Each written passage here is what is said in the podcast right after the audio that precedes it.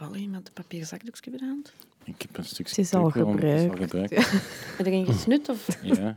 Of iets anders. Maar- Ja, maar- in de- Want mensen doen dat en stoppen dat terug in hun zak. Ik weet Dat is dat voor niet. later. Ik weet dat niet. Ik heb daar, Dit is hier nog een hoekje. ik heb daar geen Denk aan de natuur, Jeroen. Ah ja, maar ja. Ah ja, maar Dit is een podcast op wetenschap gericht. Wij zijn zelden van onwaarheden beticht. En wij zijn nog nooit voor corruptie gezwicht. Dit is het Nerdland. Maandoverzicht. shake. Een goede dag, dames en heren. We zijn er weer voor een nieuw Nerdland maandoverzicht. We kijken terug op het wetenschapsnieuws dat ons het meest in het oog gesprongen is van de voorbije maand. En we zitten hier met Hetty Helsmoortel. Hey, dag iedereen. Ik ben Hetty, halftijds werkzaam aan de Universiteit van Gent. Eh, Vroeger daar kankeronderzoeker, nu een beetje bezig met wetenschapscommunicatie. En daarnaast freelance wetenschapscommunicator. Ik schrijf, ik praat, ik denk, ik doe, ik organiseer een festival. En dat is allemaal met heel veel passie en heel veel plezier. Kurt Beheid is bij ons. Ja, Ik ben Kurt Beheid. Ik maak eh, Team Scheire samen met u. inderdaad, ja. En voor de rest nog heel veel andere elektronica en 3D-ontwerpjes en prototypes en zo. Yes. En grote interesses informatica, security en makercultuur. Ja, van elektronica, informatica, dat soort dingen. All right. Computers. Stefanie Deune. Hoi, ik ben Stefanie. Ik ben illustrator. Ik maak kinderboeken en populaire wetenschapsboeken. Ik ben nu bezig met een opvolger voor Ik heb een vraag. Dus Ah, haal ja. een plaatsje in je boekenkast. Fantastische website. Ik heb een vraag. Eh, Ja, absoluut. Zeker voor mensen met nieuwsgierige kinderen. Als je een beetje koppijn krijgt van al die vragen die ze stellen, dan zeg je, oké, we gaan dat gewoon aan een wetenschapper vragen. En dan ga je naar ikmenvraag.be, stel je daar de vraag en krijg je antwoord van een echte wetenschapper. En de boeiendste worden dan gebundeld in het boek Ik heb een vraag 1, dat al een jaar uit is. Klopt. En ja. nu komt Ik heb een vraag 2. En nu komt Ik heb een vraag 2 en het overkoepelende thema is de toekomst. Dus we gaan praten over de toekomst van alle wetenschapstakken en we gaan ook een heleboel eh, vragen over de toekomst beantwoorden. Met- En ik ga daar tekeningen bij maken, ik ga dat vormgeven, Met prachtige tekeningen. hopelijk. Super. Peter Berks is erbij. Hey, ik ben Peter en ik ben voltijds Geneverstoker en in mijn vrije tijd Genever hou ik mij drinker. bezig. Ja, nee, niet drinker, nee, toch niet. ik hou me dan bezig met andere beestjes op alcohol, Insectjes. insectjes en aanverwanten. Ja, wat dat betreft, ik heb dus deze maand mijn allereerste veenmol gezien. Ah, echt? We, weet je waar? Maar, je had- Op ja, de boot van Gert Verhulst. maar hij was dood, hè? Nee? Hij was stervende. Wat, een veenmol? Een En dat, veenmol, ja. en dat is een insect? Dat Dat is een krekel. Dat is een fantastisch insectje dat Ja. in de moestuin onder de grond leeft. En dat dus echt van die mollenklauwen heeft. Ja. Echt van die schaartjes die over elkaar knippen. Ik had die nog nooit gezien. Die stond zeer hoog op mijn Big Five-lijst. En wanneer kom ik die tegen? Op de boot van Gert Verhulst. Ja. Gewoon midden in de Antwerpse haven ligt er opeens een veenmol te sterven op het dek. Gert Late Night, waar, En- waar insecten heen gaan om te sterven. Tja, is inspiratie ook een insect? Nee, maar, en dat is nu echt, en dat is mij nog niet veel gebeurd, ik heb toen echt eventjes vijf à tien seconden naar buiten staan kijken met het idee van, wacht ze, ga ik nu wakker worden of niet? Omdat een insect dat je al heel lang wil zien, ligt plotseling voor je neus op een totaal onverwachte plek. En ik vind dat daar samen met Katja Schuurman. Dat vond, ik- dat vond ik nog het grappigste. Dat Katja Schuurman was zo over haar uit het, uit het bed aan het klappen, dat hij Ja. vaak meerdere partners had. En iedereen had zo van, oh, oh, zeg, dat is hier wel pikant. En jij met je neus tegen de vloer. Allee mannetjes, zeg, een veermol. Ja, ja, effectief. Ja, dat was de, de samenvatting van die avond, was dat inderdaad. Maar Jeroen Baart, je bent er ook bij Ja, ik ben eh, voornaam Jeroen, achternaam Baart. eh, interesses, computers, eh, grappige dingen. En ik heb ook een cursus dictie gevolgd. Dus ik, vis, vis, vis. Ja, jongens, het gaat me lukken vandaag. Een cursus dictie, is dat om zo'n toiletkot te open te Om dat om te kantelen. Ja, dictie. Zeg, en er is een hele grote vriend van de podcast, Ja, ja. namelijk de beheerder van uw Instagram-account. Ja, de beheerder van mijn Instagram-account, die mijn social media presence monetized en, en synergized. Mijn hondje Poncho, die vanavond niet Ja. alleen thuis kon blijven, omdat zijn mammy ook bezig was. Dus ja, nu is hij gewoon hier mee en zit hij op een stoeltje naast ons. Op Instagram bekend als de hond van Jeroen De hond van Jeroen Baart. Die Ja. vooral reageert met waf, waf, waf en hond, hond, hond. Ja, ik vind het heel moeilijk, want ik probeer op andere mensen te reageren. Zo mensen die een huwelijk aankondigen of mensen die een kind krijgen. Maar ik moet binnen het vocabularium van mijn hond blijven. Dus die- ik heb al op zoveel veel verschillende manieren woef getipt en woef gezegd met een andere betekenis onder. Nu had ik het onlangs voor bij mensen die een trouw aankondigen. En ik had me pas achteraf door, Jeroen, zo'n soort van woef onder een foto van een vrouw die haar ring toont, kan misschien ook verkeerd overkomen. Misschien, dus ja, misschien ga ik zijn vocabularium moeten uitbreiden, maar voorlopig. Ja, veel affectie en likjes was misschien nog grover geweest. Maar ehm kunt jij die geluid toemaken of is die gewoon altijd Die, stil? die is altijd stil. Ik kan hem enkel Oké. geluid doen maken als we een grotere hond mee hebben die hem geen aandacht geeft.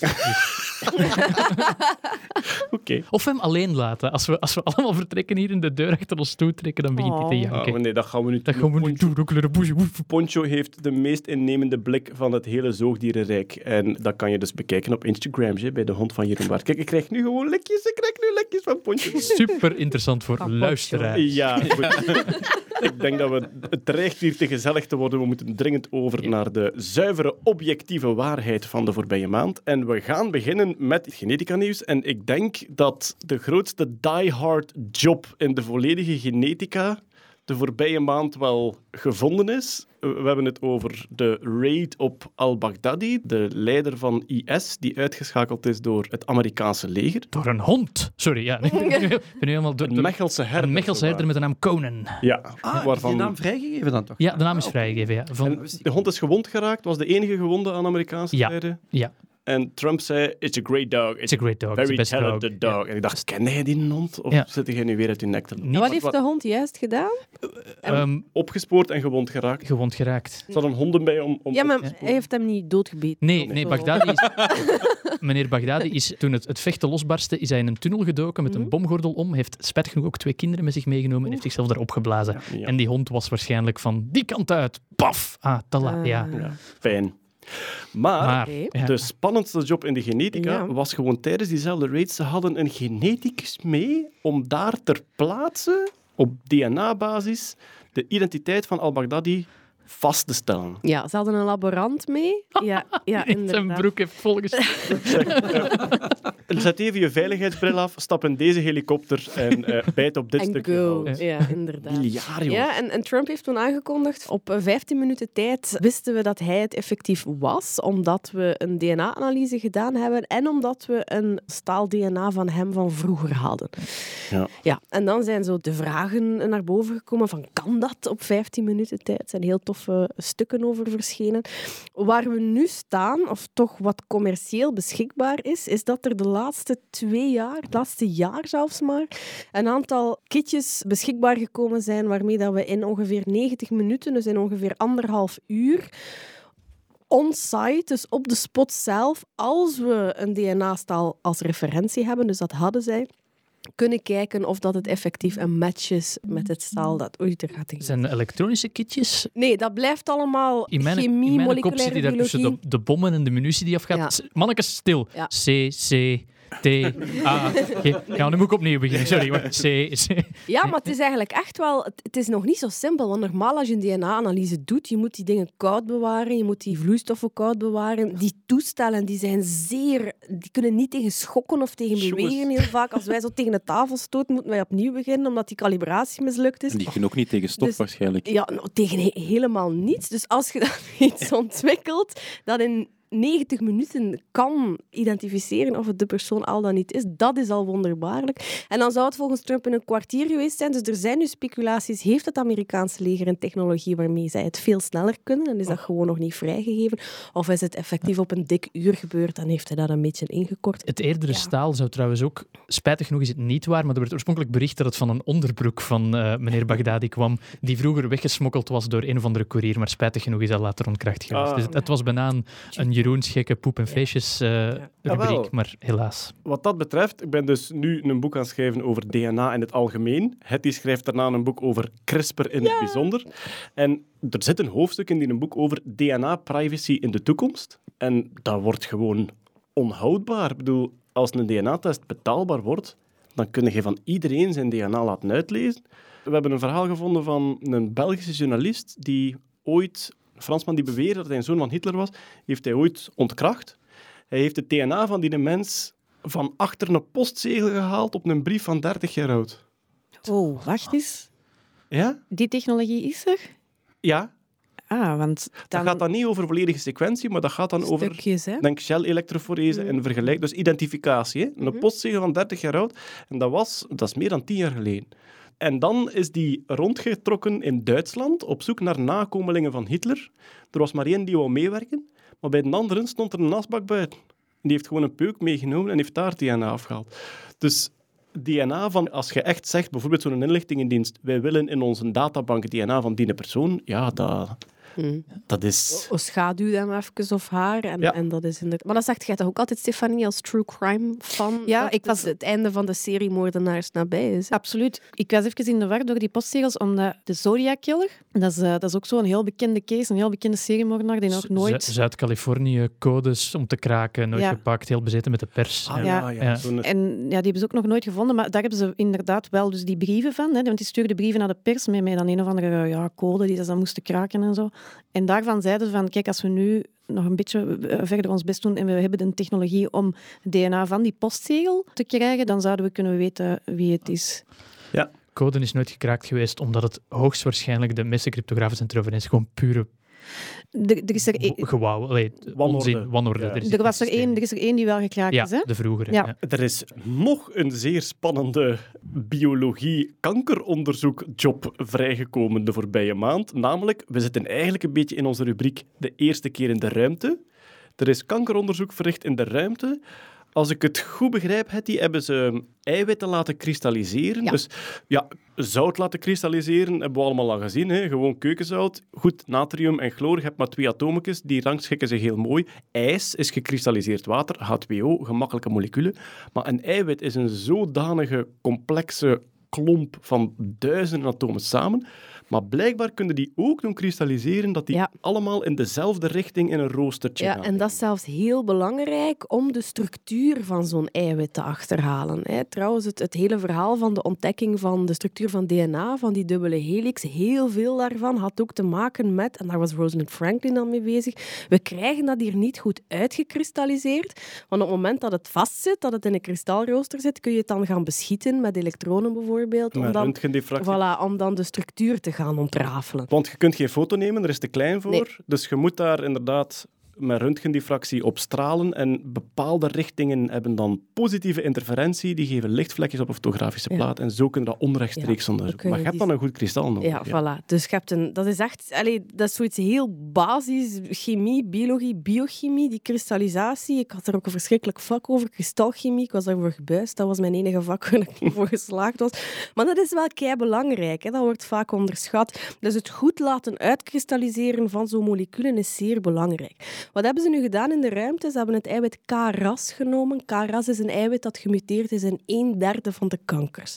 Dus in een derde van de kankergevallen heb je een mutatie in dat eiwit. Dus zeer belangrijk. Zeer belangrijk ook om van dat eiwit de structuur te kennen. Omdat we dan natuurlijk kunnen beginnen met, met moleculen te ontwikkelen die, die dat eiwit zouden kunnen stoppen, die de activiteit zouden kunnen afremmen enzovoort. En op die manier nieuwe kankermedicatie kunnen ontwikkelen. En dat kristalliseren, dat hebben ze nu in de ruimte geprobeerd. Omdat ze dachten, god, als er geen zwaartekracht is, dan, dan zullen die kristallen misschien beter, perfecter, symmetrischer zijn. En dat bleek ook het geval. Ik vind dat echt wonderbaarlijk. Dus ze zijn daar gewoon daarboven. Alexander Gerst heeft dat gedaan, hè, en een, een NASA-astronaut. Van de ESA is het, denk ik. Is hij van ESA? ah ja. ja. Ja, en er staan foto's online ook waarin dat hij daarmee bezig is. Ik vind dat fenomenaal. En het bleek effectief te werken. Hè. Die kristallen die groeien beter, dus ze hebben die daar nu gekristalliseerd. Ze gaan die nu naar de aarde brengen om die verder te bestuderen. Ik vind het Mega wraakroepend cool. dat diezelfde mens een uur later koekjes staat te bakken in de Ja, ik denk dat is wetenschap in de ruimte. Ik, dat, Ja, dat is maar is het, dan, is het dan ook om, als je zo'n 3D-print bijvoorbeeld maakt, je hebt altijd het probleem als je plastic of zo erop legt, dat je support moet hebben. Ze zijn ook aan het denken om, als we nu een keer in de ruimte zouden kunnen doen, dan kunnen we in zero gravity en dan kun je misschien een interessante structuur. Je heeft hetzelfde principe dat je Ja, ik heb het proberen... minder ondersteuning nodig hebt en daardoor schone structuur. Ja, ik heb het proberen op te zoeken wat het, de chemische eh, verklaring ervoor is, maar ik ben er niet... Ik heb geen tijd gehad om het volledig uit te zoeken, maar het zou wel kunnen. Hè. Hebben ze eigenlijk nog nooit ge-3D-print in de Ja, ja, ruimte? jawel, ja? absoluut. Er, zijn Ja. zelfs, er is zelfs zo het verhaal van een bepaald soort sleutel. Engelse sleutel, Engelse sleutel. Ja? Voor een bepaalde vijs vast te draaien. En ze hadden dat niet. En hebben ze gewoon de STL-file, Is digitale dat? 3D-file Ja, ja, ja. gestuurd. Cool. Je kunt die ook downloaden en zelf printen en dan doen alsof je astronaut Ja. bent. Er is al een werktuig gebruikt in de ruimte dat, Dat ge- virtueel geüpload was naar low Earth orbit. Maar Hetty, als we nu even samenvatten. Je bent geweldig aan het rondkijken voor science communicatie jobs en midden in uw vakgebied is er net een nieuwe ruimtevacature open. Ja, Als ze u bellen, begint je dan aan de astronautenopleiding? onmiddellijk. Is het echt, ja? Ah, absoluut. Nochtans, zit hij dat eten is niet Het lekker. kan mij niet schelen. direct, direct. Allee, het is erg je koekjes maakt daar. maar- Ja, voilà, voilà. Nee, ja, dat is toch farm, dat is toch super. Allee, Ja, ja Maar absoluut. Ik, ja. je, hebt, je hebt een bril. Is- Mij, ik denk altijd van, ja, ik, ik zou, ik zou ook een goede astronaut zijn, maar ja, ik ben bijziende. Uh, oh, ja. is, dat, is dat nog altijd zo dat je, Geen dat- idee. mocht je contactlenzen hebben Ja, je moet eerst piloot zijn, zeker. En die hebben 10 op 10 nodig. En dan, ja. Nee, maar Ja. nee, nee, Nee, is dat niet meer? Nee, nee, vroeger wel, maar nu niet meer. Ah. Vroeger waren ruimtevaarders kwamen heel vaak uit de luchtvaart, omdat het grote experiment was toen houden we dat ding hier zonder crashen Ja, ja, ja. in de lucht. Maar eigenlijk al heel lang, al sinds Fremont. Hè. Fremont is ook een ingenieur, een wetenschapper, een onderzoeker. Ja, ja, ja. Ja, er is ooit een schooljuf meegestuurd. Dat was dan helaas in de Challenger. Hè. Dus ze hebben ooit echt Ja. gezegd van... Maar er zijn biologen meegegaan. Er is altijd één geneeskundige aan boord ook. Dus dat is heel gevarieerd. Je moet zeker niet uit de militaire mij. piloten. Schrijf mij. Nee, dat was in het begin zeker. Hè. Zo, eh, er is trouwens een film, The Right Stuff heet dat, over de eerste... Dat waren de testpiloten, dat zo de vliegtuigen getest. Dat zijn eigenlijk de eerste ruimte... Ze hebben zelfs gekeken naar circusartiesten voor de eerste Ja? eh, maanlancering, omdat blijkbaar was Werner van Braun daar nogal recht in. Eh had er gewoon een aap aan boord nodig die op de eerste knop duwt, maar die moet niet spinnen. Ik bouw dat hier dat dat werkt. En dan moet je gewoon een hebben die lenig genoeg is en fit genoeg om niet dood te gaan onderweg. Dat was zijn visie van de astronaut. Want Ja. in het begin zat er zelfs geen raam in. Het moet binnen een bepaalde... Ja, sorry, ik heb nu opgezocht, omdat je mocht contactlenzen dragen als astronaut, maar het moet binnen een bepaalde correctiegrens liggen. Dus je mocht niet min 9 en min 9 hebben en dat dan corrigeren tot perfect zicht, omdat je dan zonder lenzen echt Ik heb maar mijn bent. half. Ah, voilà, het is dat. Ik ben, Oh, ik ben een uil, dus ik zou geen... Het ja, kan, Hetty, het kan. Het kan. Ja, voilà. Niks zou er tegen. Maar dus in het begin zat er geen raam in die capsule. En dus die astronauten kwamen daar naar kijken en zeiden: Pardon, er is hier geen raam. En Werner van Braun zou dan gezegd hebben: You don't need a window. you don't need window. The plane will fly itself. en, maar ja, ze hadden dan toch geëist dat er een raamje in zat. Werner van Braun zal dat gezegd hebben van ik zal dat eens nazi. hint, hint. maar- Nudge, nudge. Ja, we gaan gewoon in de ruimte blijven natuurlijk, want in het ISS was er een gigantisch feestje, zeker voor de online stream kijkende wetenschapsliefhebber. Er was de allereerste all-female spacewalk. Ja. Ik denk twee vrouwelijke astronauten buiten, één vrouwelijke coördinator binnen het ISS en op de grond ook. Hè? Zo was het. hè? Zoiets, ja. Ja. En dan ook nog een vrouwelijke reporter. Het was all-female feestje, inderdaad. Ja. En Stefanie ging helemaal los. Ja, ik Wij was- hebben een, een WhatsApp-groep en als je daar 10 Ja. minuten niet naartoe keek, stonden naar 224 ongelezen berichten. Voor u was dat het hele seizoen van The Voice samengevat in 45 prachtige minuten. Eh wat is The Voice? Ik vind dat goed. Yeah. Ik vind dat goed, hè, zo van die vrouwen in het ruimstation, maar je test dat eerst op me. Allee. niet, niet de moment. Niet de moment. Sorry. Sorry, Stefanie. Was te vroeg. Maar wat hebben ze gedaan, Stefanie? Is het een, een herstelling die ze gedaan Ze hebben? hebben een herstelling gedaan, maar vraag me nu niet welke. Want om eerlijk te zijn, zo'n spacewalk om dat te kijken is eigenlijk wel best saai. Ja. Het duurt nogal lang. Het is daarmee Ehm, dat ze dachten, we gaan er was gewoon een poppenmiekje sturen. Dat met- sorry, dat, sorry. Oh, we zijn Oh, zie, wat- onszelf het is zo gemakkelijk. Ik ben mezelf Ja, echt aan het inhouden. Ongelooflijk. Dit is, dit is exact waarom dat we... Het is ook heel grappig om nu te zien, er zitten twee vrouwen, alle twee... met- Dat is niet waar. Maar ja, nee. Wij zijn dus- allebei vrolijk. Het was een herstelling, ik heb een stuk gezien inderdaad ook. En dat zijn typisch, ja, die hele exacte omschrijvingen van op de grond. En wat mij ook altijd opvalt, is de psychologische training en de enkel positieve boodschappen die van de grond Ja. gestuurd worden. Ja, het is heel veel, You, you did great, yeah. um, En de kalmte, routineusheid ook. Heel veel zoiets- bevestiging en heel veel... Alles wat ze doen, zeggen ze natuurlijk. En dan wordt dat nog eens bevestigd. En dan wordt dat inderdaad nog eens positief bevestigd van goed gedaan. Maar het duurt ook wel best lang. ja. En ja, die concentratie natuurlijk uiterst belangrijk. Hè. Je nu dan- is het niet het moment om fouten te maken. En dan hè. moet je tien minuten bellen met de domste man op Ja. aarde. Dat Ja. is juist Trump. Ja. Oh, dat stuk heb ik toevallig gezien, natuurlijk het meest. Ik, ik was op voorhand dacht ik van, hij gaat een manier vinden om het over zichzelf te laten gaan. Hè. En effectief, ja, de maan is geweldig, maar wij, we gaan naar Mars. Allee, we gaan naar Mars. Het is mijn idee om naar Mars te gaan. En we waren weer vertrokken. Ja, hij heeft ook een geweldige chemo gedaan. Om, hij heeft ergens gezegd van de eerste keer de First- vrouwen... First females on a spacewalk. Which is bullshit. Dat is niet waar. En het is dan- gewoon de eerste keer dat er twee vrouwen waren. Er is dat een alleen beetje... vrouwen ja. waren. Er is een beetje een speculatieve theorie aan het rondgaan en ik heb totaal geen idee of ze klopt of niet. Dus Trump zegt first female doing a spacewalk en onmiddellijk corrigeren ze hem. Ah, we don't want to take too much credit, zeggen ze. Females have been doing spacewalks before, maar nu zijn het enkel vrouwen. En op dat moment kijkt hij omhoog en veegt hij met zijn middelvinger een haarlok van Ah, boven zijn oog. echt? Ja, en dus sommige mensen speculeren dat hij eigenlijk wil zeggen, mij verbeter je niet, hier is mijn middelvinger. Maar ik denk niet hij- dat Trump Hij, daar slim genoeg hij deed is. het het hele gesprek. dat Ja, hij deed, hij ja? deed het hele gesprek. Ah, ja. oké, ja. Hij heeft natuurlijk ook wel zeer veel haarlokken om eh, weg te jagen. Ja, maar, voilà, ja. ja. Sommigen zijn zelfs zijn eigen haar. eh. Maar die spacewalk, die was, als ik me niet vergis, was die al gepland. Hè? Maar dan is er een probleem geweest met de spacesuits. Want het, Ja. het ding met die spacesuits is, die moeten goed passen. Als die te groot zijn, als die te klein zijn. Dat is gigantisch belangrijk. Je hebt daar maximale bewegingsvrijheid in nodig, maar dan ook weer niet te veel. Ik weet niet of dat, dat nu echt wel waar is, want dat lijkt mij... Allee, ik kan me niet voorstellen dat dat zo'n soort one size fits all is van hier en dat is dan van twee generaties al terug. Maar, ja. maar is, dat, is dat dan, maakt dat echt uit man-vrouw verschil? Nee, het gewoon ook, ook belangrijk is dat dat gewoon op maat gemaakt wordt. Exact, dus dat denk Ja. ik ook. Ja, dit, Ja, dat want daar zit, sowieso zit een verwarmingscircuit en allemaal in, omdat je... Ja, dat Het probleem is verwarmingscircuit, dat eh, als het te groot is, dat de retourkosten op Zalando gigantisch zijn. Dat verwarmingscircuit, dat is eigenlijk een soort tweede vel, zeg maar, hè, met al Ja. die buisjes op. Maar dan heb je er natuurlijk nog zoveel lagen boven. En ja, het is al moeilijk bewegen, dus ik kan mij ook echt niet voorstellen dat dat dan niet op maat gemaakt is. In elk geval, het was long overdue, want dit was de hoeveelste spacewalk? Is het 200ste of zoiets? Ik weet het niet meer. En ja, ik geef dat toe, ik was daardoor ontroerd. Ik ben nu 39 en dat is de eerste keer dat ik naar NASA-tv kijk en dat ik, dat ik alleen maar vrouwen zie en hoor. En ik, ja, ik, vind dat, ik vind dat belangrijk, ik vind dat tof.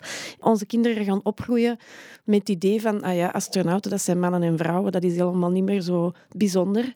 Het enige wat ons nu nog te doen staat, is vrouwen op de maan krijgen. Hè? Want er is nog altijd geen vrouw op de maan geweest. Juist, ja. Ik denk twaalf mannen of zo, zoiets. Twaalf of zestien. Ja, het is zoiets, ja. Er zijn er redelijk wat. Ja. Op, op het einde gingen ze gewoon voor de show. Ja. De laatste mochten zelfs niet meer langs gaan bij de president toen. Die waren er allemaal kwaad over. Omdat, ja, daar was ook niets mee te doen. Dat was gewoon een prestigeproject. Maar inderdaad, vrouwen op de maan, ja, zeker. We hebben nu al geleerd wat dat ze allemaal hebben achtergelaten op de maan. Dus die vrouwen gaan er aan komen. Wat voor een zwijnenstal hebben ze? Godver... Dat is- ze ja, ook ja. nergens naartoe. Dat is, in een, dat is in een boys night geweest en wij gaan het mogen opruimen. Dat is Geval in ongelooflijk. afrond. Ik vond, ik vond het ook wel grappig, dat interview met Trump. Ik weet niet of dat ze het expres hebben gedaan of niet, maar die laatste vraag, daar hebben ze gewoon zelfs niet meer op geantwoord. Hij stelde nog een vraag en er was Ze gewoon hebben- geen... Ze hebben het afgebroken. Ja, die, die hadden gewoon zoiets van, ja, kom, we gaan, terug, Tunnel, tunnel, tunnel. we gaan gewoon terugwerken. Ja, echt, laat ons weer eens. hadden Ze, had- ze hadden die kunnen vragen om uit het raam te zwaaien en die had dat gedaan. Hè. Dat zou, dat zou goed geweest zijn. Dat zou goed geweest Yes, we see you, we see you, Mr. President. Yes, yes. Die mensen wat kloten op zijn eigen narcisme.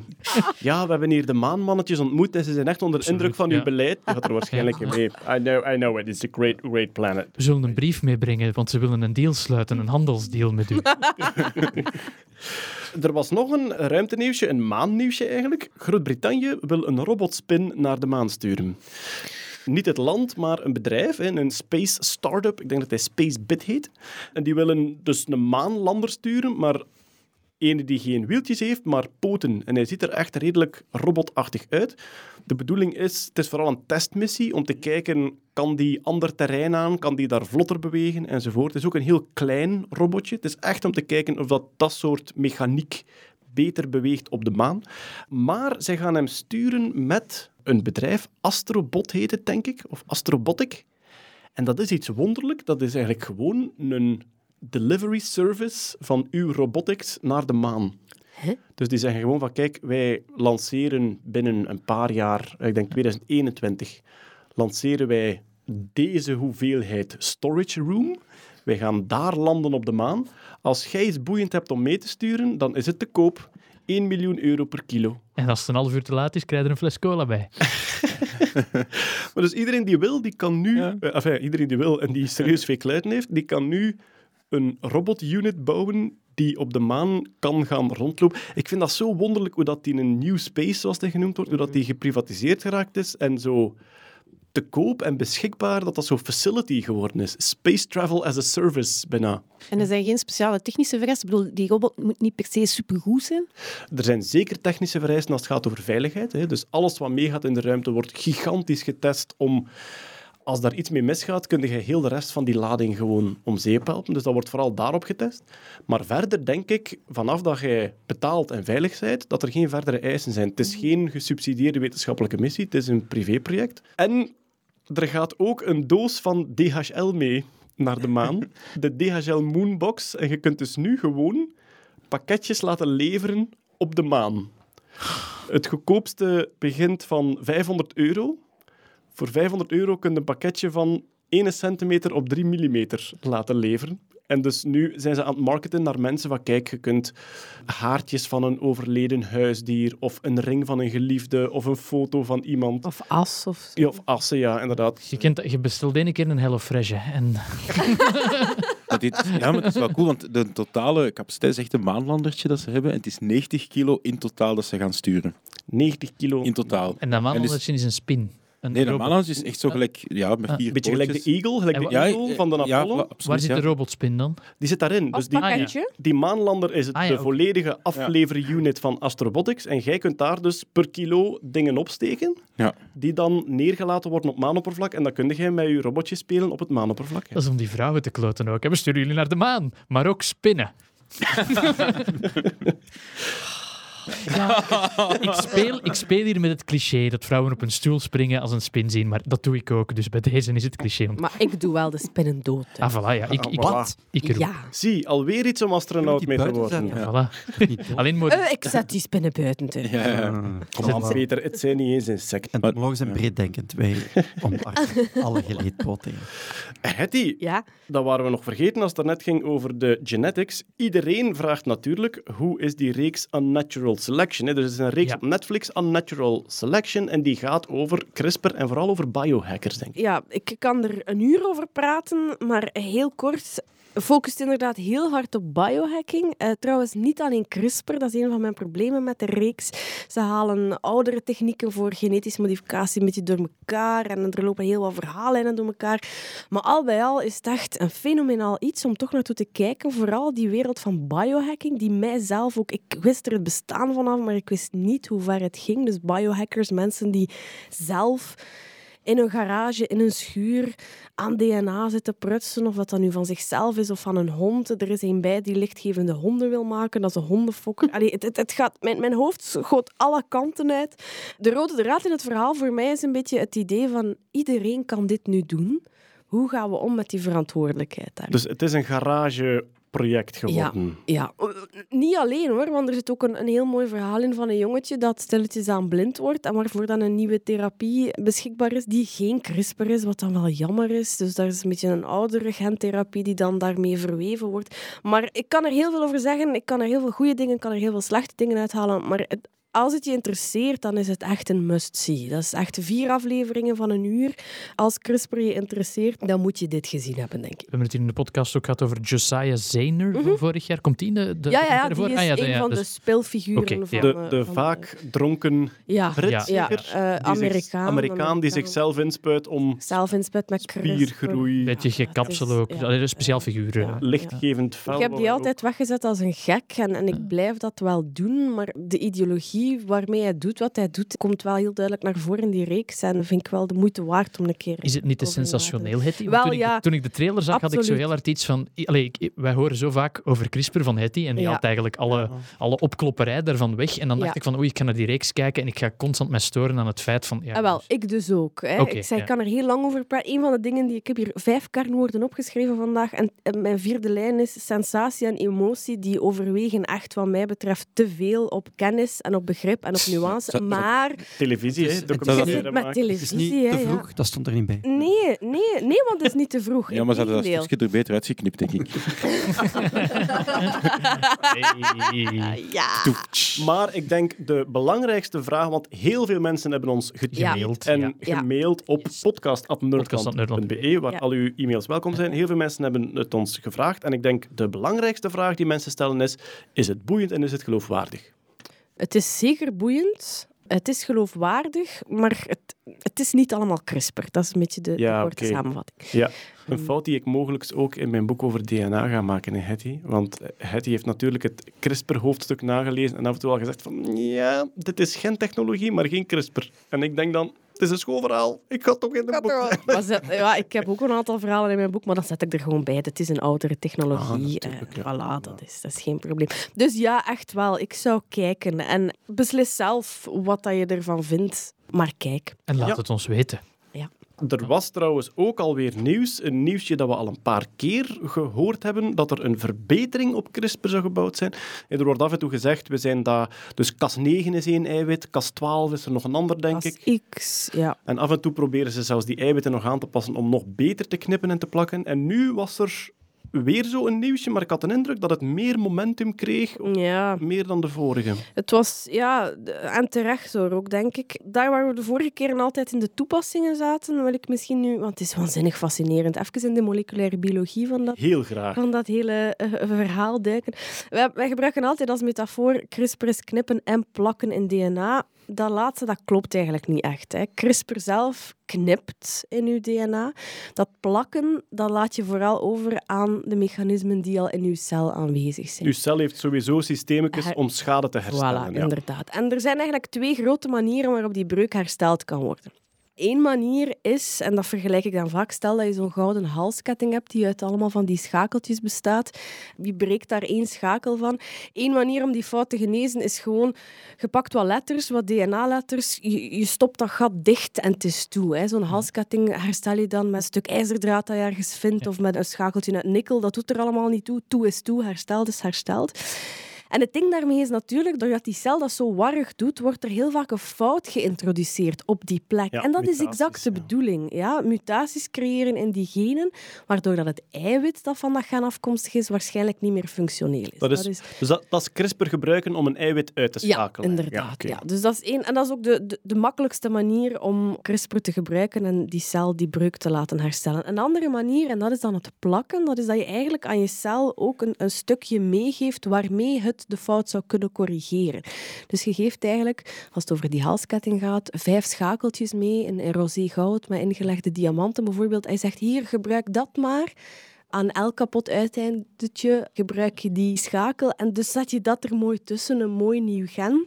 En dat is dat plakken. Hè. Dus je kan eigenlijk ook in je cel nieuwe informatie meesturen in de hoop dat die dan zal ingebouwd worden in die breuk. Maar dat is verschrikkelijk moeilijk. Oké. Ja, dus echt dat plakken of dat corrigeren op een heel gerichte manier, een heel precies stuk, dat was tot nu toe zeer, zeer moeilijk. Zeker in zoogdiercellen, zeker in Het menselijk. is niet dat je met dat eerste proces het, het reparatiekitje meegeeft. Zo van, steek een gat in die Nee. wand en plak hem dan terug. Nee, je steekt het gat erin in het eerste verhaal. hè. Je steekt het gat erin en je laat je cel de rest doen. Je- Ah, ja. Hij stopt het vanzelf wel dicht en hij maakt dan een fout en dat is de bedoeling. Zou je dan kunnen zeggen dat iemand die bruine ogen heeft, CRISPR om blauwe ogen te hebben, te doen is? Omdat je gewoon dat bruin wordt gemaakt door bepaalde cellen, dus dat kun je eigenlijk uitschakelen. Maar als je iemand met blauwe ogen bruine wilt geven, dan moet je eigenlijk zijn kapotte genen voor bruine ogen herstellen. Ja. En dat zou veel Dat lastiger pigment zijn. toevoegen en Ja, ja. inderdaad, ja. En dat is wat we ook zien in heel veel CRISPR-toepassingen op dit moment. En daar heb ik misschien vroeger niet altijd een nadruk op gelegd. Maar wat er nu allemaal gaande is, dat zijn dingen waarbij genen uitgeschakeld worden om ziekten te genezen. Hè. Maar goed, dat tweede dus, zeer moeilijk. Dat zeer exact corrigeren van iets. Maar dat is nu met die prime-editing, met dat nieuwste van het nieuwste snufje van de CRISPR-toolbox, is dat nu een stuk gemakkelijker geworden. Ik ga niet in, in heel detail gaan, maar wat ze daar eigenlijk doen is... Het Cas9-eiwit knipt niet de twee strengen van het DNA door, het knipt maar eentje door. Mhm. Ondertussen wordt eigenlijk het herstelstuk al meegestuurd en dan wordt er dan ingewerkt, dan wordt het de tweede streng gebroken. Enfin, het is een manier om heel precies die dingen echt te gaan repareren. Op, Het is, op het is prime, maar het heeft niks te maken met prime. Nee, nee, ik ja. interessant. En ook niet met, Ah, ook niet, ja, ook niet met Amazon En trouwens. ook niet met. Octopus. nee. Zijn jullie mee? Want ik vind dat Ik denk het wel, ja. Ja, ik denk- belangrijk. het, dus, het is gemak- nu- gemakkelijk om een gen kapot te slaan, Ja. maar je moet het dan vervangen met iets anders, dat is moeilijk. Voilà. En nu met dat nieuwe is Gaat dat dat, gaat dat nu plots veel, veel beter. Dus het is vooral het plakken waar ze nu een grote nieuwe stap in Ja, zetten. inderdaad. Oké, en dat zal ja, voor zeer veel menselijke ziekten waarschijnlijk een, En- eh, een oplossing bieden. Maar we zijn er nog niet. Nee, nee, we zijn er nog niet. Maar, maar op de lijst van de eerste dingen die ze zouden kunnen proberen daar dan mee te doen, zijn daar dan koplopers in? Ja, wel, er wordt nu zelfs gezegd dat 89% van alle erfelijke genetische aandoeningen bij de mens genezen zullen kunnen worden. Dus dat is gigantisch. 89? 89%. Ja. Omdat je kunt echt herschrijven in Ja. plaats van uit te Ja, schakelen. Inderdaad. Dus dat is gigantisch. En het eerste op het lijstje is onder andere die sikkelcelanemie, waarvoor dat er nu al een CRISPR-trial loopt, maar dan met het uitschakelen van een gen. Maar sikkelcelanemie wordt veroorzaakt door één eh, lettertje dat verkeerd is, dus dat zouden ze kunnen gaan Mm. herstellen. En Tay-Sachs disease staat ook heel hoog op de lijst. Dat is een erfelijke stofwisselingsziekte. Ah ja, Dus die twee worden nu genoemd als, als de toppers. Maar 89% is eigenlijk echt dat is belachelijk veel. fenomenaal veel. Mijn vrouw, haar tweede naam is Annemie. En haar eerste naam is Sien. En ik denk dat Sien-anemie zelfs letterlijk een aandoening is. Ah. Ja. Ik denk iets in het bloed of zo. Ik zou het een keer moeten checken. Ja, Bij haar. dus opzoeken. Zodat, ik haar heel, zodat ik haar heel highbrow kan pesten. voilà. Goed. Heeft er iemand gekeken naar de marathon onder de twee uur? Ja, Ja, dat heb ik Yes. gezien. Ja. Ja, het was... Hoe vet was dat? Dat is toch met die lasers en al. Dat was een wetenschapsfeestje. Oh. hè. Ja, nu, voordat mensen denken dat ze met lasergeweren en vooruit gestuurd hebben, het meest zichtbare wetenschappelijke element was zijn luchtweerstand. En daarvoor hebben ze lopers in een V voor hem laten lopen en ook lopers achter hem. En dat was voor veel mensen een verrassing. Waarom lopen er mensen achter hem? En wat die eigenlijk doen, is de onderdruk verminderen die achter u ontstaat. Dus die vangen een stuk van de werveling en de onderdruk op door dat op te vullen. Je zou kunnen zeggen dat die op een manier een beetje lucht vooruit duwen in zijn rug. Natuurlijk niet sneller dan hij gaat. Maar dus, ja, als je gewoon loopt, ontstaat er achter u een soort kegel van onderdruk. Maar omdat die mannetjes lopen, is er voor hen een soort zone met een iets grotere druk, omdat die lucht vooruit duwen. En dat helpt dus ook. Is dat de eerste keer dat ze dat op die manier hebben gedaan? Ja, Het concept van hazen wordt wel vaker gebruikt bij loopwedstrijden. Hè? het concept van hazen wordt heel vaak ja. gebruikt. Voor luchtweerstand en ook psychologisch helpt Ja. het heel erg om iemand voor u te hebben. Maar mensen die in de rug lopen, hebben ze eigenlijk de eerste keer, volgens dat ik weet, nu actief gebruikt. Het was wel al een tijdje bekend. Het is zelfs ontdekt in Eindhoven. Nou, De TU Eindhoven heeft een hele schone windtunnel, waar ik ooit al een keer in mogen staan heb. En die doen al heel lang onderzoek naar aerodynamica van wielrenners. Ik denk dat die zelfs de regels opgesteld hebben van hoe ver een cameramotor moet wegblijven. En zij hebben ontdekt, iemand die voor u fietst geeft heel veel voordeel. Iemand die in uw wiel fietst geeft nog altijd een klein licht voordeel. Zou je dan ook niet met een soort van grote radiator voor die loper de exacte luchttemperatuur goed kunnen krijgen om minste weerstand te hebben? Als je dan, als je dan toch kosten aan het doen bent. Hè? Maar dat doen ze bij die snelheidsrecords op die zoutvlaktes. Rijdt er bijna altijd een auto voor met een gigantisch windscherm, dat je dus compleet windstil fietst. Dat is dan gewoon een lead-out eigenlijk. Maar hier, zij hebben ook het volledige onderzoek gedaan voor die loper. En daar staan foto's van op de website van de TU Eindhoven. En dat is dus echt gewoon plastieke mannetjes en een plastieke auto en een plastiek motaarke met een camera, volledig nagebouwd in de windtunnel gezet en dan gezien van hoe moeten we die nu zetten. En zij zijn dus afgekomen met die V en met die mannetjes achter hem. En toen dachten ze, weet je wat, we gaan daar een auto voor laten rijden die met lasers projecteert Ja. waar dat iedereen moet lopen, zodanig dat ze altijd op het juiste tempo zitten om onder de twee uur te blijven. En voilà, hij heeft het nu gedaan. Hè. Hij zit onder de twee uur. Telt niet mee als wereldrecord. eh. Nee, het telt niet mee. hè? waarom niet? Nee, omdat het niet een wedstrijdcontext is en ook omdat ja, het gebruik van die hazen, het gebruik van die laser... Hans van de Wegen had er in de morgen een, een typisch Hans van de Wegen stuk over geschreven. Ook, Zeker. ze- dat ze was, ja, zo, zo kan ik het ook, zeg. Met, met een laser en met, met, met, met goede schoenen. Wat? Kim Kluisters begint opnieuw. Haal mijn pen. Zo, sorry, dat is mijn Hans van de Wegen impressie. Die man is vast een zeer aimabele man. Maar die had er een beetje een stuk over geschreven. Ja, door het gebruik van al die technologie, het telt niet mee als... Ik denk dat een wereldrecord in, in, een, in een wedstrijdcontext moet gemaakt maar, maar worden. Ja. dat, is toch, dat is toch raar dat je dan dat soort analyse van temperatuur en weerstand, dat is toch ook wat het, het werelduurrecord op de fiets, dat is ook gedaan. Dus geen- een reden dat ze dat in Mexico gaan doen, op het juiste tijdstip, in de juiste zaal, met genoeg mensen en Ja. niet te Dat veel klopt, mensen. maar je mocht geen werelduurrecord rijden met iemand voor u. En al zeker niet met wisselende mensen, want dat is het ook. Dus de Ah, ja, hazen, ja. De hazen weet- maar ik was aan het denken, als er nu iedere keer een V voorloopt, ja, dan loopt hij niet wereldrecord. Hè. Dan, Wel, tuurlijk. Dus de hazen zijn op vaste tijdstippen gewisseld, want anders lopen Ja. die allemaal onder de twee uur. Hè? Dus, Ja. En dat was ook wel schoon om te zien. En dat was strak getraind, geregisseerd. Die stond te wachten op een bepaalde plek. En op minder dan een seconde, het was bijna Formule 1 bandenwissel, op minder dan een seconde waren al die hazen gewisseld en was hij weer weg.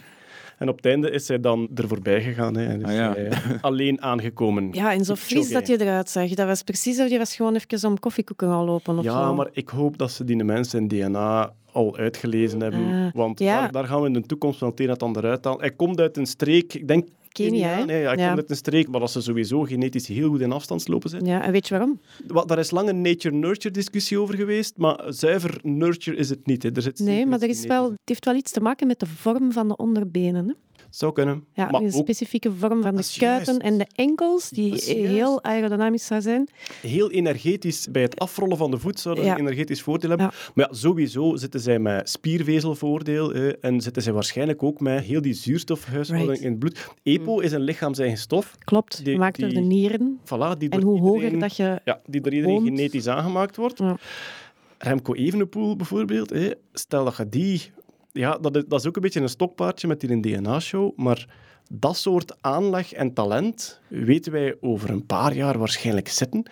En als een Remco Evenepoel of een Kipchoge bij geboorte genetisch getest zouden worden, dan zou alles gewoon zeggen van, je zit hier nu al met een natuurtalent. Die mannen hebben een zodanig goede zuurstofhuishouding in hun bloed, die kunnen in de zetel liggen en iemand verslaan die gaat gaan trainen, bijvoorbeeld. Hij had eh, 41 hazen in het totaal. Hij had speciale Nike Vaporfly schoenen.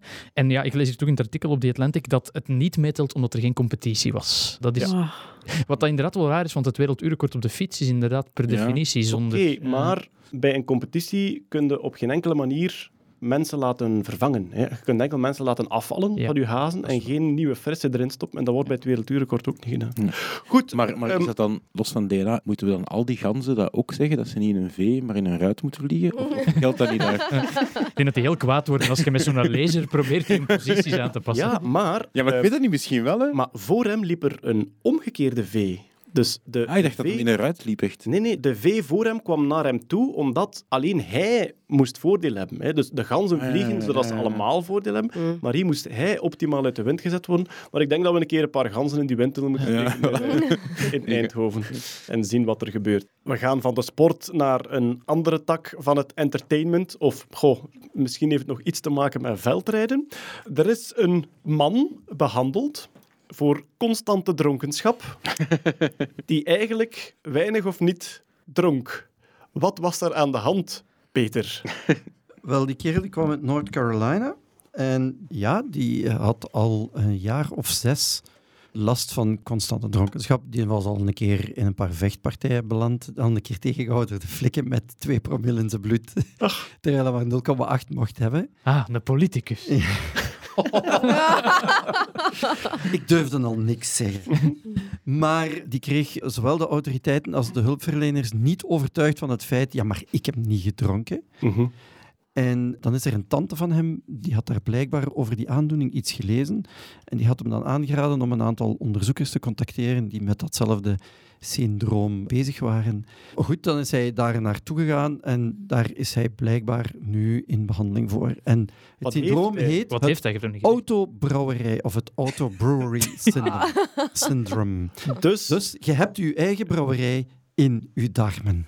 er zit gewoon Ja. gist, Er zit, gist, er zit gist. biergist in uw... Ja, het is eigenlijk de gewone Saccharomyces cerevisiae, dus degene die je ook voor broodbakken en bierbrouwen gebruikt. Ja.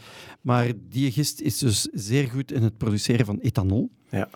En wat blijkt dus, die kerel, elke keer als die voedsel eet met hoog koolhydratengehalte, dan wordt hij zat. Maar allee. Dat wordt hij- ja, ja, maar dat is dus blijkbaar een echte aandoening. En er zijn een aantal publicaties van, van mensen die gnosticeerd zijn met dat soort dingen. brouwers, En, en- ja, en blijkbaar, die kerel zou op een bepaald moment een wonde aan zijn duim hebben gehad. Die zou ontstoken geweest zijn, die heeft daar antibiotica voor gekregen. Maar die gast werkte in de bouw en die werkte ergens op een werf voor een renovatie na een orkaan. En waarbij heel die resten en dat puin, dat was allemaal geïnfecteerd met gisten en schimmels.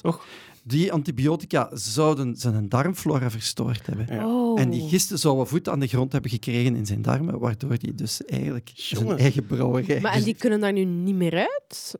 Ja, wat ze nu gedaan hebben, ze hebben die een opnieuw fungicide gegeven. Ja? Ze hebben dus, ze hebben Antibiotica. proberen die, ja, antibiotica is dat niet, hè? Nee, ja. Dus proberen die gisten en schimmels dood te maken Ja. en dan die op een dieet van probiotica gezet om te zorgen dat die zijn darmflora... Herbevolkt. Ja, maar ze zijn niet zeker dat het gaat lukken. Dat weten ze. Staat er daar met uw El Ja, nee. We toch wat zwaarder spul nodig. Dus die mensen die kon een avond zich totaal zat maken met pasta. Of met ontbijtgranen. Ik, ik, Oh, man, ik kan zal vanavond dat helemaal losgaan. Haal de Spirelli. Wel, maar Peter, ik weet niet wat je er een antwoord op hebt, maar het is wel de vraag die op ieders lippen brandt. Is het eigenlijk plezant of voel je vooral slecht? Die man voelde zich vooral slecht. Mhm. Die had last van depressie en die had eigenlijk voortdurend een kater ook. Ah, natuurlijk. Ja, ja, ja. Had hij ook last van flatulentie dan? Want ik kan me wel voorstellen dat er Dat ook een weet ik niet, maar, maar ik kan het mij wel voorstellen, want naast ethanol produceert die gist ook CO2. Hè. Mhm.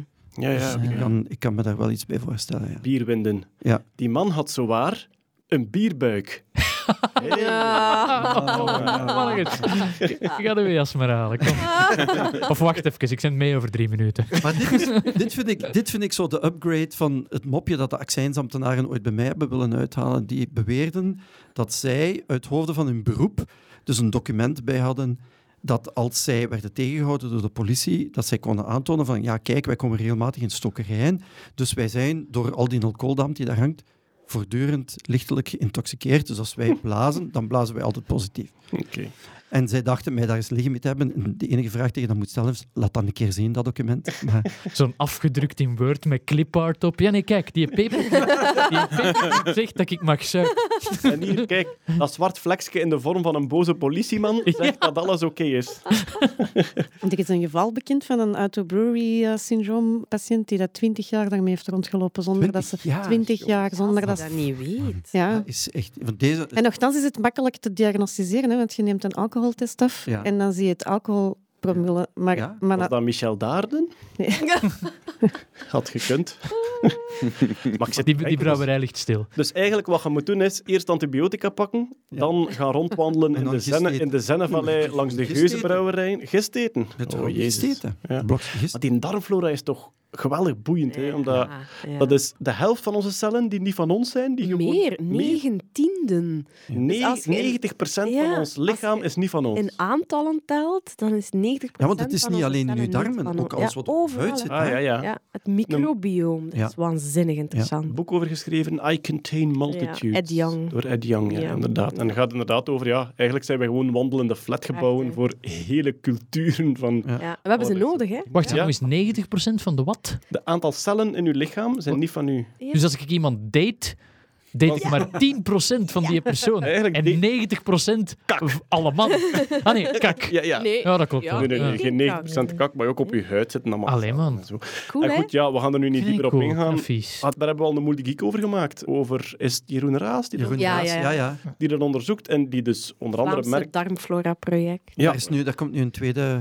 Een, Ronde van, ja. studie van... Al die podcastluisteraars met de volgende alcoholcontroles rond de feestdagen. Nee, meneer Draghi, je moet luisteren. Ik werk op een bouwwerf En ik had een sneetje in mijn vinger.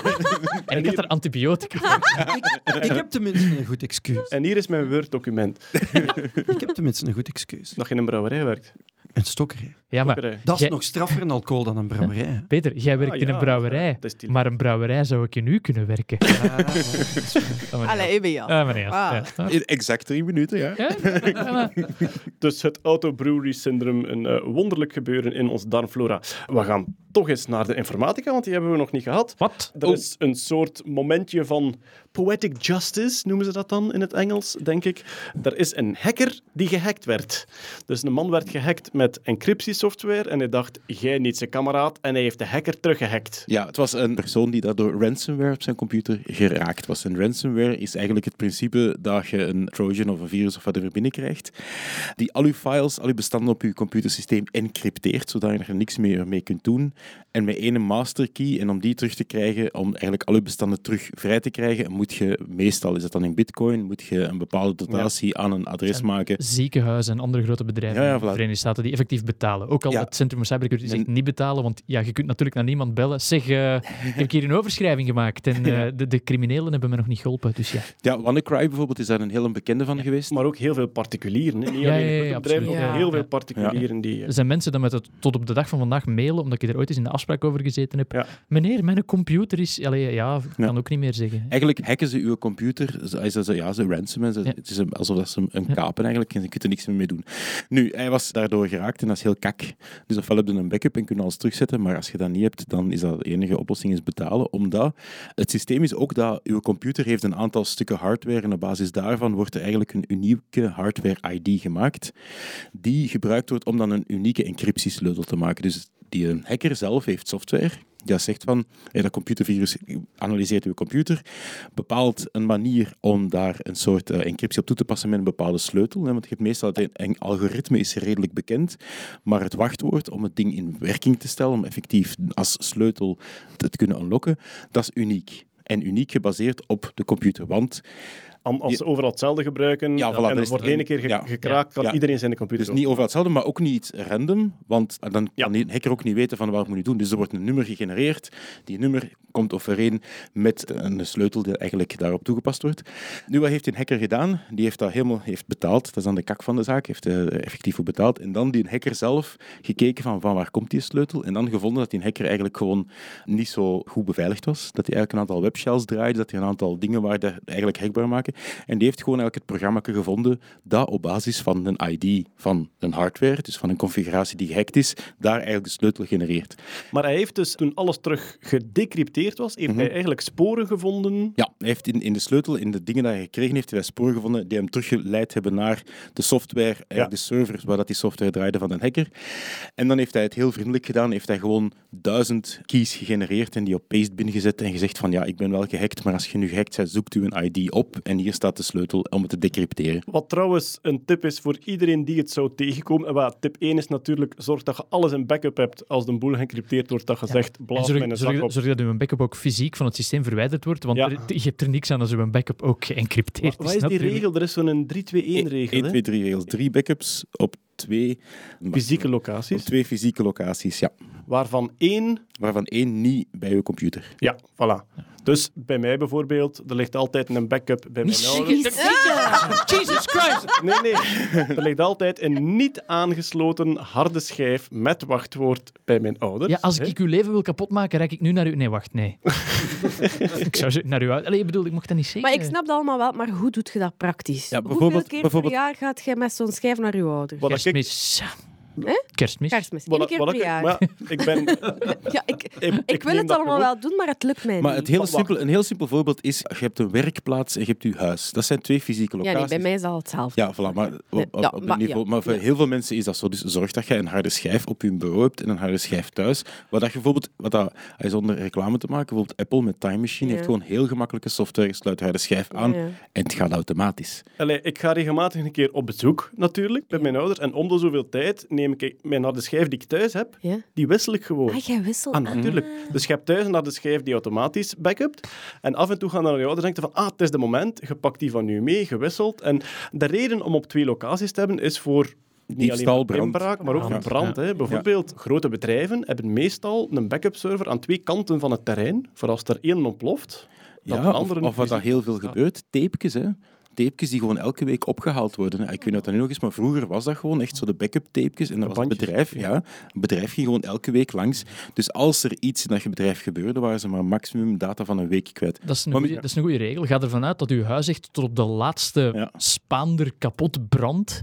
En wat heb je dan nog over? Ja, en een voordeel is, maar ja, dat is los van een fysieke locatie, kun je ook in de cloud heel veel dingen automatisch gaan backuppen. Als je bijvoorbeeld, ja, er zijn services waarvoor dat je betaalt of gratis of whatever. En ja, oké, dat zit dan allemaal bij Amerikaanse bedrijven, dus je kunt erover gaan discussiëren. Is dat wel gevoelige data? Wil ik dat wel daar zetten? Maar er is al encryptie geweest die ook op uw cloud... Ja, ja, maar als één van de oplossingen, hè, omdat Ja, ja. je daar wel redelijk snel aan kunt terug. En misschien nog interessant om te vertellen, je zegt van dat zijn hackers dat die ransomware uitsturen. Je kunt tegenwoordig totale pakketten, Ja. dus zelf een gemeenerik. Je koopt zo'n pakket, je moet er niks van kennen. Dat is een heel interface dat je gewoon de lijst e-mailadressen kunt ingeven. Ik wil X, Y en Z, wil ik proberen te hacken. En dat systeem is volledig automatisch. Dat regelt de betalingen, dat regelt het sturen van de sleutels. Dus eigenlijk een crimineel zijn en proberen ja, geld af te pluimen van mensen, Maar dat vind kan ik zo- volledig geautomatiseerd worden. Dat vind ik zo verwonderlijk om te zien, die evolutie in cybercrime. Ja, dat, is malware as a service. Hè? Ja, ja, Gelijk ja. dat wij Office kopen, kopen er hackers. Ah, wel, Ehm, ja. ja. Wij hebben dat in een tijd gezien, bij Basta hebben we een tijdje die typische bankscams, zo die e-mail-scams, de, de 419-scams, hebben we een tijdje zitten beten. En dat is dan scams zonder software, die sturen gewoon e-mails van ik ben van de kerk van hier en we hebben steun nodig enzovoort. Die kopen dat script. Dus Ja, dat kopen die- volledig. je- Ik denk gewoon bij jezelf, ik word nu een e-mailscammer. Je koopt bij iemand een script van eerst stuur de die mail, als ze reageren stuur de die mail en dan pas laat het. Dus je moet zelf niets doen, je koopt dat pakketje.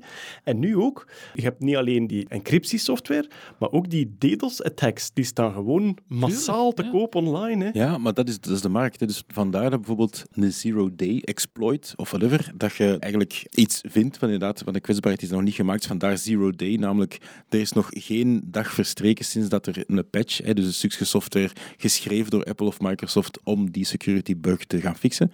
Die dingen worden tegen gigantisch veel geld verkocht op de zwarte markt, omwille van dat ze op basis daarvan dan die pakketjes maken en Maar die dan ja. weer, dat is een hele marktsysteem, dat is eigenlijk een ecosysteem Je hebt van een volledige supply Ja. chain, maar het wonderlijke is dat je eigenlijk als persoon die niets van software kent, die alleen maar kan e-mailen en pakketten installeren, dat jij het nu allemaal kunt kopen. Maar wat een luie misdaad, zeg. Ja. Ah ja, Nee, maar, maar die, die zijn niet echt bezig, allee, de meesten zijn niet echt bezig met dat soort beroepseer van ik, ik schrijf wel mijn software Die zelf. misdaad moet lui zijn, omdat je net je wilt op één uur duizend mensen kunnen proberen scammen, omdat er maar drie of vier gaan bijten. Snap je? zonder eer, ja. Het grappige nog, en het laatste dat ik erover ga vertellen, in 2016 was er een worm die encrypteerde uw harde schijf en die gaf u de keuze. Worm is Of- een software, hè? Ja, dus- sorry, ja, ja, eh, software. eh, een, een, rant, een ransomware, malware worm. En waarom heet dat worm? Omdat eh, dat omdat dat, door zich- je systeem kruipt? dat dat door je systeem kruipt en ik denk ook een zekere replicatie. Die dat zichzelf repliceert en eigenlijk doorgaat naar een ander Ah ja, systeem. ja. En de- die gaf u twee opties. Ofwel betaalt je de hacker om uw schijf te decrypteren, ofwel infecteert je twee van uw vrienden. Oh, En dan krijg je ook de sleutel gratis. nooit. En dat vond ik zo'n psychologische mindfuck. Van ja, het is wel 200 dollar. En ik ken twee mensen die dat ik redelijk kloten vind. Mm. Ah, dat is juist, want we waren tips aan het geven. Dus ten eerste, backup, backup, backup. Dan kunnen ze sowieso niets maken. Als je toch geëncrypteerd zit en je zit in de problemen, betaal niet, want dat systeem blijft alleen maar bestaan, omdat mensen blijven Yes. betalen. En het belangrijkste, er zijn redelijk wat websites nu waarop dat ze sleutels aanbieden, zoals dat die een mens gedaan heeft. Ja. Er is een URL, ik ben hem nu vergeten. Ik zet hem in de show notes. Ook show notes die maandelijks komen op eh maandoverzicht.nerdland.be. Voilà, ze. En dus ga eerst kijken op die site. Wie weet kun je het gewoon decrypteren. Ja, en op- met een beetje geluk, als je wat wacht, is er wel iemand die dat... Ja, ja. De antidote, bijvoorbeeld bij die WannaCry, op een gegeven moment had er ene die software eigenlijk van dat virus aan het decompilen, dus aan het omzetten terug in leesbare teksten aan het analyseren. En zo de killswitch gevonden daar. We Ah, ja. dan een keer, we hebben Dat dan- is juist. ja. Dus ja, misschien als je een beetje Maar ja, geluk dat, kun, hebt... dat kun je niet zeggen tegen een bomma die naar de keuken zit en de foto's van haar kinderen wilt zien. De Wacht even, wacht even, bomma. Ze, zijn, ze zijn het aan het decompileren. nee, Goed. goed. Ik voel aan mijn water dat het zo langzaamaan tijd is voor...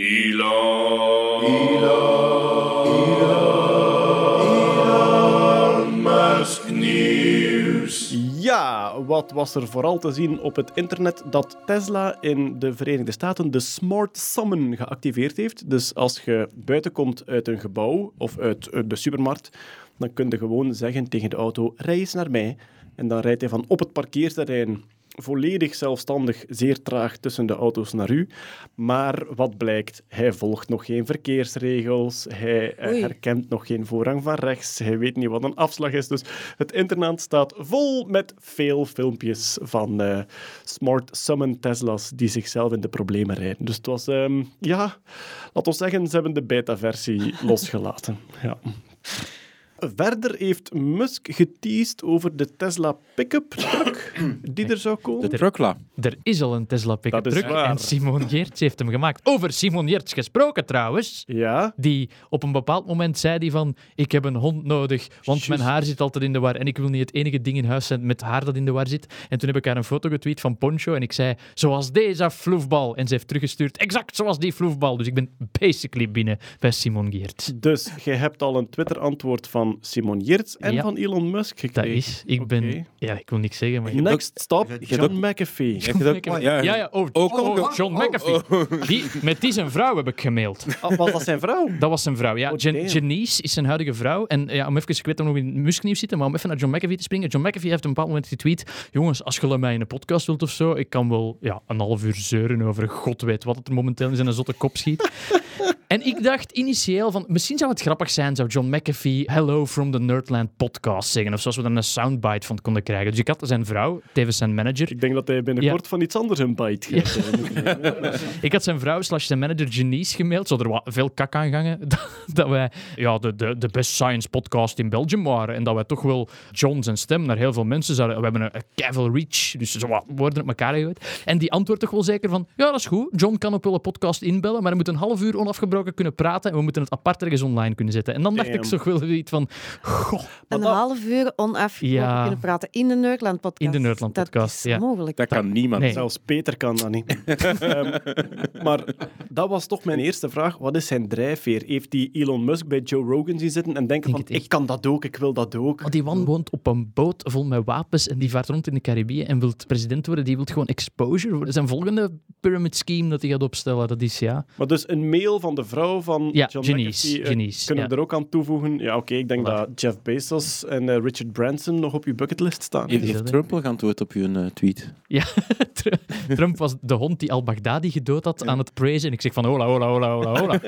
Dat is een oké hond, maar heb je deze al gezien? Basically komt het erop neer dat ik mijn Twitter-verified status misbruik om naar god en alle man foto's van mijn derpy kleine hond te sturen. En dus uw theorie is dat als Poncho verschijnt voor een IS-strijder, dat hij zo innemend is dat die man zich onmiddellijk bekeert tot menslievendheid. Absoluut, je Ja. kunt toch niet anders? Als die- Ik was ook je- vrij radicaal voordat ik Mooi. Poncho ontmoette, hoor. Als je in die blinkende oogjes kijkt, dan... eh, Maar terug naar Musk. En, maar- Ja. Musk had wat goede dingen deze maand ook, maar ik wil daar toch de kanttekening van maken van zelfs Augusto Pinochet had af en toe eens een goede maand. Dus, allee, het is een beetje wikken en wegen. Vorige maand was extreem slecht voor hem, dus nu heeft hem, wat was het, het bomenverhaal? Ja, hij heeft blijkbaar, hij gaat 1 miljoen bomen doneren, maar het was heel gek. Het was een of ander Twitter-dingetje de voorbije maand om Ja, dat doet geld hij te wel. storten. Ja, maar nee, los van Musk was het een soort Twitter-ding onder de rich and famous om geld te storten om bomen te planten. Het is eigenlijk Ja. begonnen op YouTube, denk ik. Ah, Het is begonnen bij de YouTube-influencers. De Fortniters. Ja, zo die Ja. mannen. Hè. Die mannen, hè. Die, die, die, eh, zeiden van, ja, kom, we gaan eens iets goed doen. En we gaan, hoeveel was het, eh, hoeveel was het eh, doel? 2 miljard? 2 miljoen bomen? Geen idee, heel Ah, veel. no. Ja. En dus om ter meeste bomen kopen dan. Hè. En je zou denken, ja, allee, Dit- dat is goed. Hè? Ja. meer bomen, hoe Ja. beter. Maar ja, die organisatie is toch een beetje shady. In die zin van, als je gaat kijken van, ja, maar hoe gaan ze dat aanpakken? De helft van de tijd ligt je website offline. En er is geen plan. Weet je? En het is tof, hè? Zo, ja, ik heb een boom geplant. Maar dat is niet wat we moeten doen. We moeten bossen planten. Dus Ja, maar Dus ja, moet- Ja, maar het een is een subset van de ander. Hè. Maar je moet... ja, maar je moet weten waar dat je plant. Je Ja, moet die voilà. bossen ook onderhouden. Je moet- Overal. eh, het is echt niet zo simpel als ik plant hier een boom en ik heb hier de natuur. je weet, hè. Ik heb er zelf niet dieper op ingegaan, maar inderdaad, plant meer boom is iets te simpel om het uit te drukken. Je moet ook een project hebben. Waar ga je die planten? Ga je de juiste soorten planten? Want er zijn heel veel eucalyptusplantages die meer kapot maken dan Ook dat ze oplossen. hè. Omdat, vooral omdat die industrieel gebruikt worden dan. Ik probeer het hier aan te brengen als een positief punt van Musk. En Gullen ze het al aan het neerhalen. Jullie Ja, zijn nee. allemaal Musk-sceptici deze Nee, maar maand. op- Nee, ik denk zich- eerder dat Musk zich heeft een beetje laten rollen. Wat, Musk Ja, zich laten rollen? Het was ook zo'n beetje de cool guy op Twitter zijn. Hè, als zijnde, ah, jullie hebben een competitie voor om ter meeste bomen. De nummer 1 die had 100.000 euro Ja. gedoneerd of Ja. zo voor 100.000 boom. En hij heeft er dan gewoon een miljoen van Ja. gemaakt. Van En die is een paar dagen later overboden door de man van Shopify, een soort van betaalplatform die nu 2 miljoen bomen en... Voilà. En die dan ook weer exposure Ja. krijgt door meer te Terechte opmerking, dat is volledig belastingaftrekbaar voor Musk ook. hè. It's a really Dan, eh, booming business. Hey. Hey, als burgemeester van Boom... eh, burgemeester van Boom is ook een Jeroen Baert. Ah ja, dat is Not affiliated. Ah, ja, dat is... Ik heb altijd, altijd goesting om als ze die mij bellen. Die is Boom, Tomorrowland. Ik heb altijd goesting omdat ze bellen die regelmatig rond het drugsprobleem in Tomorrowland. En soms missen ze en bellen ze mij. En ik heb zo vaak al goesting gehad om gewoon op te pakken en te zeggen cocaïne voor iedereen aan het gemeentehuis. ik, Jeroen Baert. Maar jij accident waiting Maar jij bent verified, hè? Hij niet, hè? Ah, dat is... voilà. Ja. Voilà. Je moet gewoon eens toekomen op de gemeenteraad en zwaaien, Bon. zwaaien met uw Twitter-badge. Het is een VR. Ik denk dat ik dat moeilijk kan spelen. ik denk dat het vrij snel door de mand gaat vallen. Welke Jeroen Baart ben jij? maar hij heeft dus ook de pick-up truck geteased als zijnde. eh, Dus de pick-up truck zou een stuk groter worden dan de gangbare Amerikaanse pick-up truck. Er zou een volledige Tesla Model 3 op het pick-up gedeelte Oh. passen. En Musk was blijkbaar zeer enthousiast over de tekeningen, de modellen die hij gezien had. En hij zei, het lijkt bijna op een personal security vehicle. Dus het zo redelijk futuristisch, tankachtig, alsof het weggelopen is uit The Expanse of dat soort reeks. En dan kun je dus je Tesla op je Tesla truck zetten. Dat zou kunnen, maar ik weet niet of dat de, de, de hele kern van het businessplan is eigenlijk. Ik De hoop- enige veilige plek om dat ding te parkeren is in een grotere Tesla. Ja. Het is ook handig om iets achter dan te hebben voor als de batterij leeg is. Maar, maar wacht, maar zoiets wat dat je een Tesla op kunt rijden, raakt die een Cybertruck raakt ook in een tunnel? Want dan hebben we natuurlijk wel een vehicle om dan door een tunnel te rijden, waar dat je je Tesla kunt oprijden. Oh. Dat de Boring Company... Ja, misschien is het gewoon dat. Zo, ja, Ja. wie weet. Ja. Ik denk niet dat hij in die eh, ge- opgewaardeerde rioolpijp vastkurt. eh. Zo future-proof was. het. Nee, ik denk echt niet dat hij erin past, want dat was een vrij nauwe pijp. Ja, dat klopt. Ja. Die Ja. was net gemaakt Die was, om... ja. Die was net smaller gemaakt om gemakkelijker Ja. te boren te zijn. Goed. SpaceX ook heeft nu... Ja, SpaceX had al het plan om 12.000 satellieten te lanceren voor het Starlink internetnetwerk. Ze hebben dat een beetje omhoog gehaald tot 40.000. Er is nu een aanvraag voor 40.000 satellieten, omdat ze zeggen we willen rekening houden met de stijgende vraag voor internet en mobiele data. Dus hebben ze er meer nodig.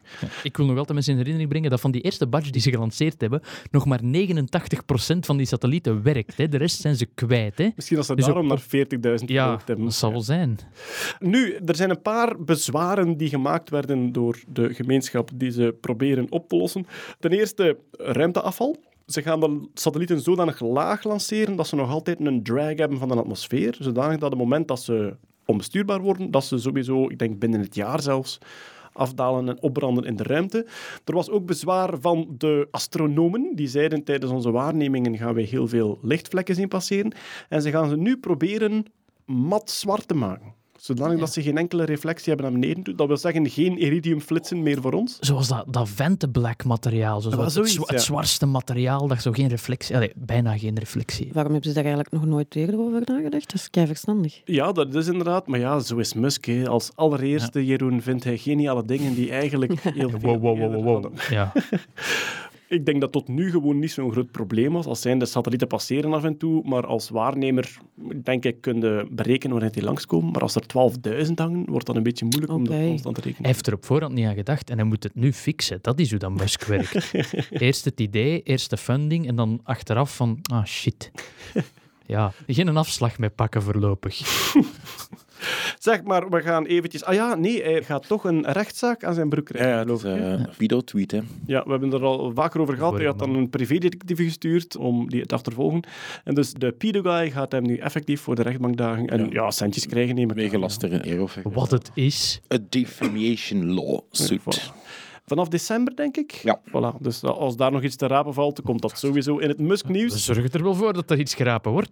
met een glunderende Jeroen. Ja. Heeft die kerel u nog niet ingehuurd om Dirt over Musk boven eh, te halen? Nee, nog niet. Maar dat is het leuke aan Dirt over Musk bovenhalen. Het internet staat vol met Dirt over Musk.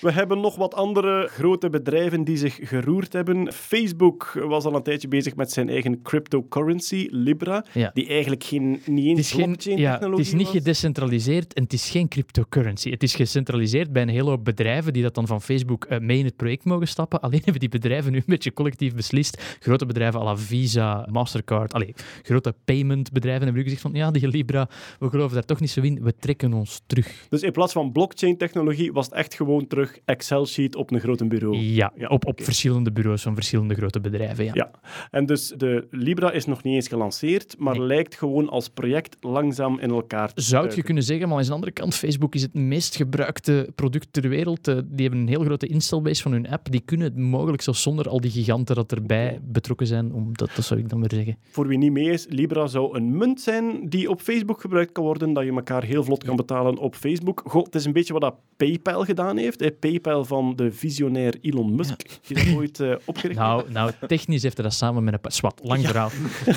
Maar dus het idee van PayPal was, in plaats van te wachten op al die banktransactie, gaan wij gewoon een online platform hebben met een groot bedrag in kas. En dan kun jij gewoon als getalletje bedragen verschuiven van het een naar het ander, onmiddellijk, zonder dat je moet wachten op die ellendige banktransactie.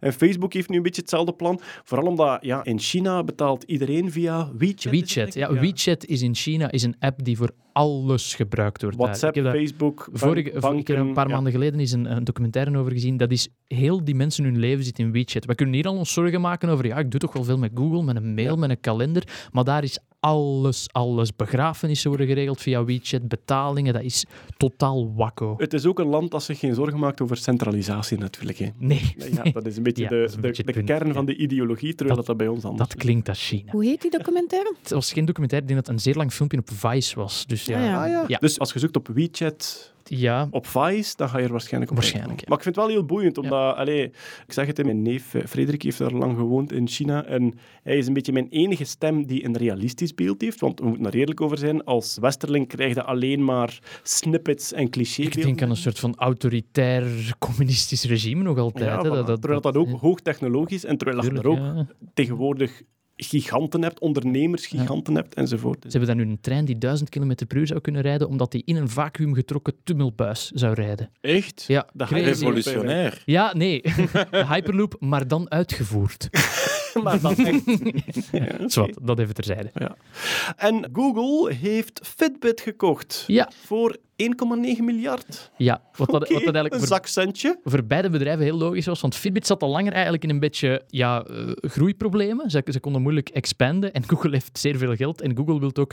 Allee, Fitbit zit langs de hardwarekant. Dus die hebben heel veel hardware die momenteel gekocht, gedragen wordt.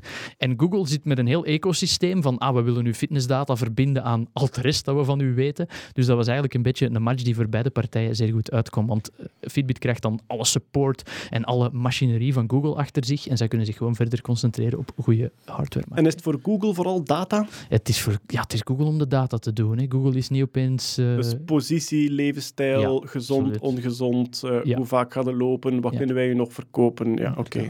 Een aanvulling op het digitaal profiel dat ze van u al hebben. Ja, en zeker omdat het de laatste paar versies van het besturingssysteem van Android en Apple is het er ook een beetje op Knupp. Teruggeplooid van kijk, we gaan u helpen om uw gsm gezonder te gebruiken. Ja. We gaan u apps geven met je hebt vandaag zo lang die app gebruikt, probeer wat te minderen, geef je ogen rust. Zo dat hele held-ding wordt eigenlijk een beetje paradoxaal genoeg ook door smartphonemakers uitgebuit om meer smartphones te verkopen. Wat dat Telenet nu ook doet, hè? Ja, ja, ja. Heel veel reclamefilmpjes van Telenet van liefste schermen, we zijn goede vrienden, maar we moeten verantwoorden met elkaar omgaan. Ah. Dus Telenet promoot nu van schermtijd, rusttijd invoeren en ja, je kunt die dan Dat is afvragen. wat dat die doen als die tussen twee en drie s'nachts met een modem willen updaten. Dat ze van, even, even rust nemen, Jeroen. Even een uurtje weg. En dat is net het moment dat ik aan het werken ben. Maar, maar als Google nu ook Fitbit opkoopt, dan zijn de oorspronkelijke mensen die dat, de smartwatch bedacht hebben, Pebble, Pebble, ja. ja, die zijn opgekocht door Fitbit. Klopt, Dus die ja. zitten nu bij Google dan. Dus Pebble, om te duiden, Pebble was, was het, ja. de eerste smartwatch, nog voordat Apple en Android en Samsung en zo ermee begonnen. En dat was een typisch maker-kickstarter-project. Dus Ja. een paar jonge mensen samen die zeiden, eigenlijk met de huidige technologie, met een Bluetooth-verbinding, kun je in een horloge je sms'en en kun je zien wie dat er belt enzovoort. Ze hebben dat gemaakt, de Pebble. Stephen Fry heeft jarenlang QI gepresenteerd met een van de eerste Pebbles rond zijn arm. Daarna eh, zijn alle anderen ook smartwatches beginnen maken en Pebble is dan gekocht door Fitbit. Inderdaad. Ja. Ja. Ik denk niet dat er iemand Google gaat kopen binnenkort, spijtig. Allee, dus ik denk niet dat het zo Elizabeth Warren. Russische poppetje... Eh, die, eh, Ah ja, ja. De Amerikaanse presidentskandidaat die de big tech wil opsplitsen. Eh, Big Tech was deze maand in het probleem, met, want Twitter heeft aangekondigd dat ze geen politieke advertenties zullen toestaan en Facebook blijft een beetje als enige grote speler zo van ja, maar mm, geld. Ja, maar Zuckerberg, Zuckerberg heeft daar weer zo'n hearing gehad waar Ja, dat een hearing met Alexandra- een vreselijk kapsel ook. Je je moet een foto opzoeken van zo die, die buste van Julius Caesar met zo'n potsierlijk opgeplakt kapsel. En daarnaast Zuckerberg. De mop was van Zuckerberg verdient zoveel met Facebook omdat hij bespaart op kapperskosten. later. Ja, en hij werd daar serieus aan de tand gevoeld door Alexandra Ocasio- Ocasio-Cortez. Daar zat ook wat... Allee, want al die Er zat wat er zat theater, er zat wat theater ja, bij. er ook. zat Dat, eh, zeker wat ideologie in, sowieso. Maar je merkte er wel de Facebook-neurose van... Ofwel moeten wij gigantisch gaan controleren en vijanden maken, want dat zijn er altijd die zeggen, waarom mag onze advertentie er niet op? Ofwel moeten wij gewoon zeggen, de politici mogen zeggen wat ze willen, het is aan hen en aan het volk om te kijken of dat het wel waar is of niet. Facebook wil eh, de moeilijk. absolute voorstrevers zijn van free speech, maar als dan hun effecten van free speech toetlaat een platform en eigenlijk heel weinig tegen te houden, kijk wat er in Myanmar gebeurd is, daar Ja. is Facebook instrumentaal geweest in het rechtstreeks de dood van echt duizend, duizenden mensen. Hè. Dat is ongelooflijk. En dan, Myanmar, dan spreken we over eh, ehm, twee jaar geleden... opstand ja, een beetje- van een Ja, bevolkingsgroep. de genocide, dat daar, de Rohingya, ja. Ja. En die werden daar via politieke ads op Facebook, via berichten van politici, werden echt gewoon zwart gemaakt met leugens. gedemoniseerd. Echt, En ja. Facebook heeft daar gewoon van gezegd van ja, hands-off. We halen de content weg die daar, weet ik veel, echt, ja, echt violent is of, of naakt toont dit of Dus dat. maar- eigenlijk, geen- wij zijn de postbode en wat dat Ja. iemand in een envelop steekt, dan, Dat daar hebben wij geen verantwoordelijkheid over. En, en dat, Ja. dat is een positie die nu toch heel zwaar onder vuur komt, omdat dat is niet Maar, meer... maar heel recent ook onderzoek van eh, Stanford, die eigenlijk aangetoond heeft dat in Afrika, waar er zo vijf landen eigenlijk vanuit Afrika gewoon keihard gedestabiliseerd worden door ja, een onderzoek van de Russen dat via Facebook inderdaad met dat soort desinformatie en targeted advertising eigenlijk die nieuwe ja, democratieën, die nieuwe landen, die nieuwe regimes dat erop aan het komen zijn, gewoon aan het destabiliseren zijn. Dus het gebeurt wel keihard. Er is een onderzoek geweest in Dresden, ook in Duitsland, waar dat op dagen dat Facebook is daar om een of andere reden een paar dagen onbereikbaar geweest, is het geweld tegen vluchtelingen, tegen migranten, gevoelig gedaald. Dat is What? Zienbaar in de Oh, statistieken. damn. Ja, dat is natuurlijk wel een, een onderzoek dat is geëxtrapoleerd is en je moet voorzichtig zijn met die data, maar er zijn Ja. verschillende onderzoeken waar dat blijkt van als je dat soort gepolariserende content, want ja, het is... Ik vind, Dat is ik vind dat, eigenlijk, Ang- angry people click more, simpel. Dat is eigenlijk wat dat Harari in zijn schrijft ook. De menselijke geest is hackbaar geworden omdat wij een internetverbinding hebben door dat Ja. schermpje. En dus Ja. kun je gewoon, in plaats van software, kun je ideeën binnen hacken Ja. in mensen onder de kop. Zeg maar, Harari komt naar België. Harari komt naar België? Ja, ik denk eh, volgende maand al. Ja, hij komt eh, naar de Lotto Arena. Na Ah. Karen Damen komt Ah. ook Yuval Noah Harari Ja. naar eh, Die zal Lotto komen in een. Ferrari. Snap je? Want dat is een auto, Peter. En die, nee, goed. Dacht ik, leg hem even uit. Jeroen, er zijn te weinig jassen in dit gebouw Ja, maar Pe- om jou Peter, om te Peter, heeft, sturen. Peter heeft alcohol meegebracht voor ons. Ja, dat ik, dat ah ja, zelfgestookte Genever in Ja. cocktailvorm. eh. En het is heerlijk. Ja, voor duidelijkheid, Peter, dit is gestookt in een normale brouwerij en niet in iemand zijn maag. hè? Ja, maar ja, Een normale stokerij. aan een stokerij, Niet sorry. maar, stokerij. zelfs darmstelsel. Oh, Ja. yummy, yummy. Goed, we gaan het Musk en Gorilla nieuws afsluiten en we gaan onmiddellijk over naar de biologie slash data sciences. Top verhaal dit. Namelijk Oh. enkele, ja, het zullen biologen geweest zijn zeker, die de migratieroute van Russische arenden, was het? Steppen, steppenarenden. Ja. Ze wilden de migratieroute van steppenarenden onderzoeken via zendertjes, maar er bleek een probleem te zijn. ja, er bleek wat problemen met de roamingtarieven.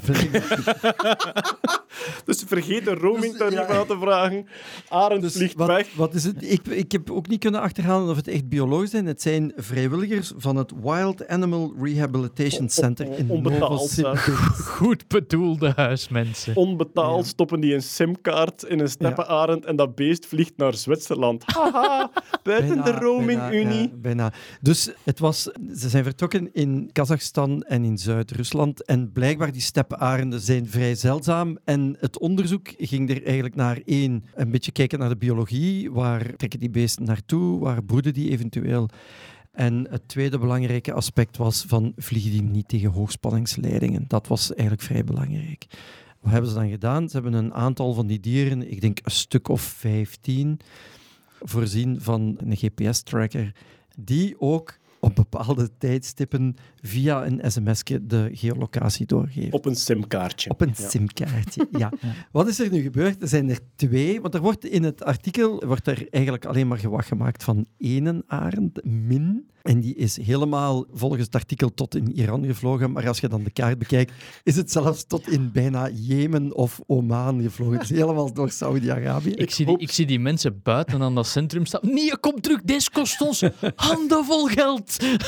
Dat je om het uur als natuurbeschermer een jachtpatrouille naar het Arabisch Schiereiland moest sturen om je eigen arend af te Ja, En dan, omdat dan, haalde te die veel naar, kost. dan haalde die naar het meer. Ja, maar ik heb de PUC-code nodig om die te deactiveren.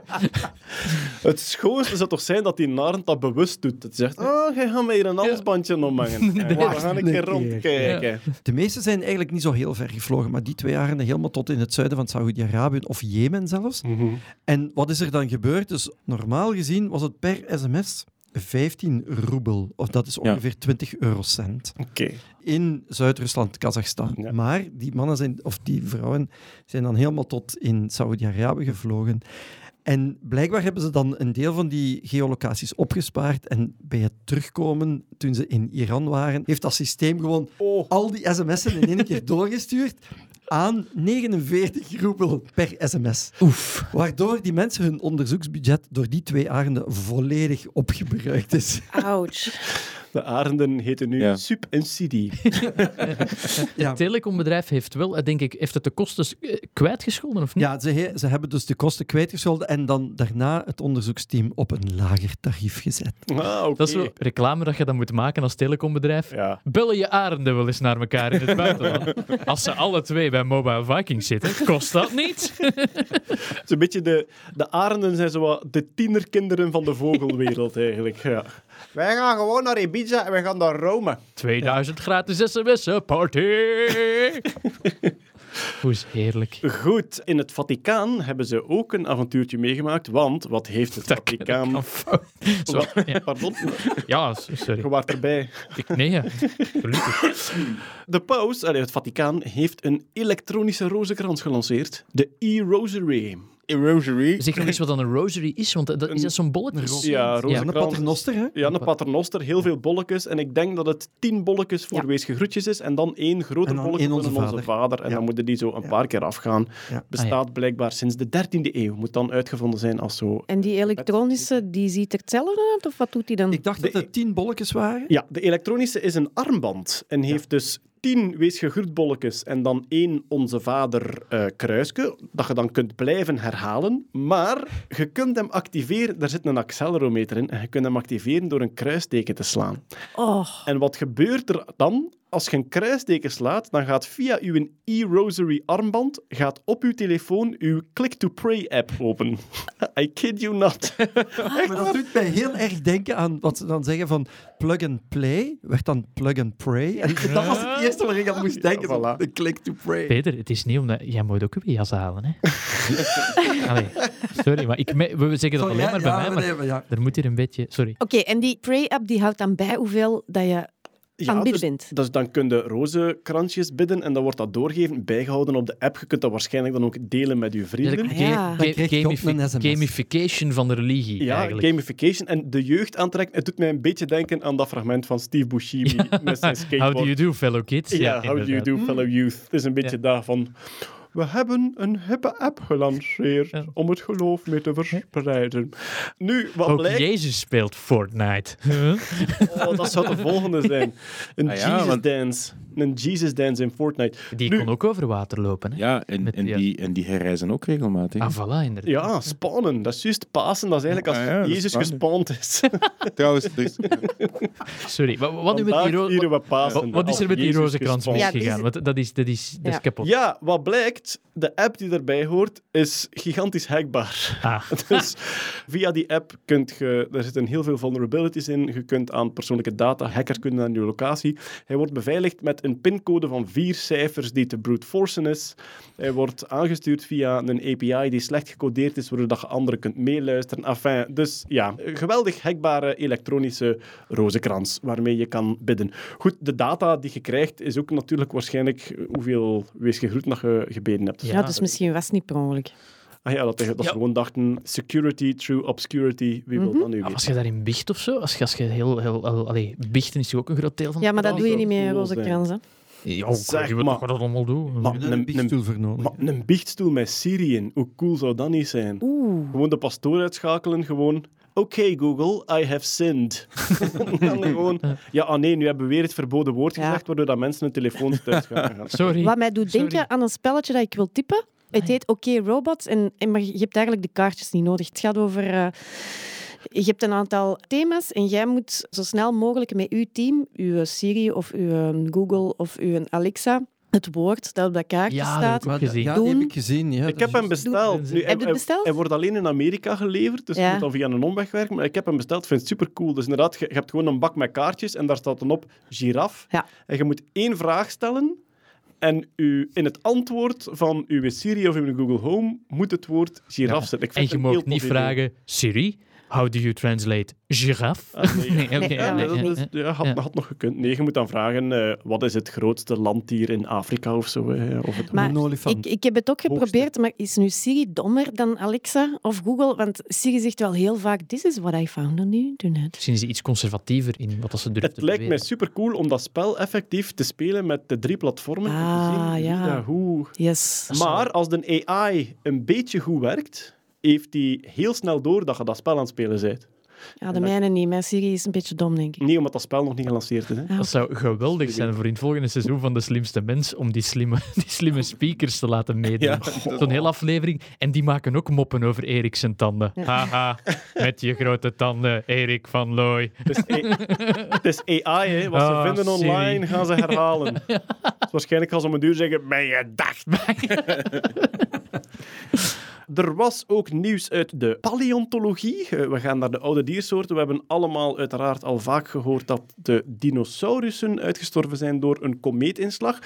Daar wordt soms van gezegd dat is zo goed als zeker, maar geen 100%. Ik geloof dat er nog andere theorieën zijn. Maar Vulkanen, hè? vulkanen ook. Bij, ja, Is het, weer, is het weer die Pipo met zijn emmers vol vissenbeenderen, Peter? Wat- Even Nee, dat een was iets- recall. Dat was, de- iets dichter, dat was iets dichter bij huis. Maar ik vind dat geweldig boeiend. Ik denk als je uit de lagere school komt, dat je echt het idee hebt van alles wat in mijn boeken stond, is vaststaande waarheid. Ja. En dan in het middelbaar begin je af en toe wat te denken van, is dat wel zo? En eigenlijk is wetenschap... Richard Feynman heeft ooit gezegd, wetenschap is een verzameling statements en aan elk statement hangt een vlagje met een waarschijnlijkheid.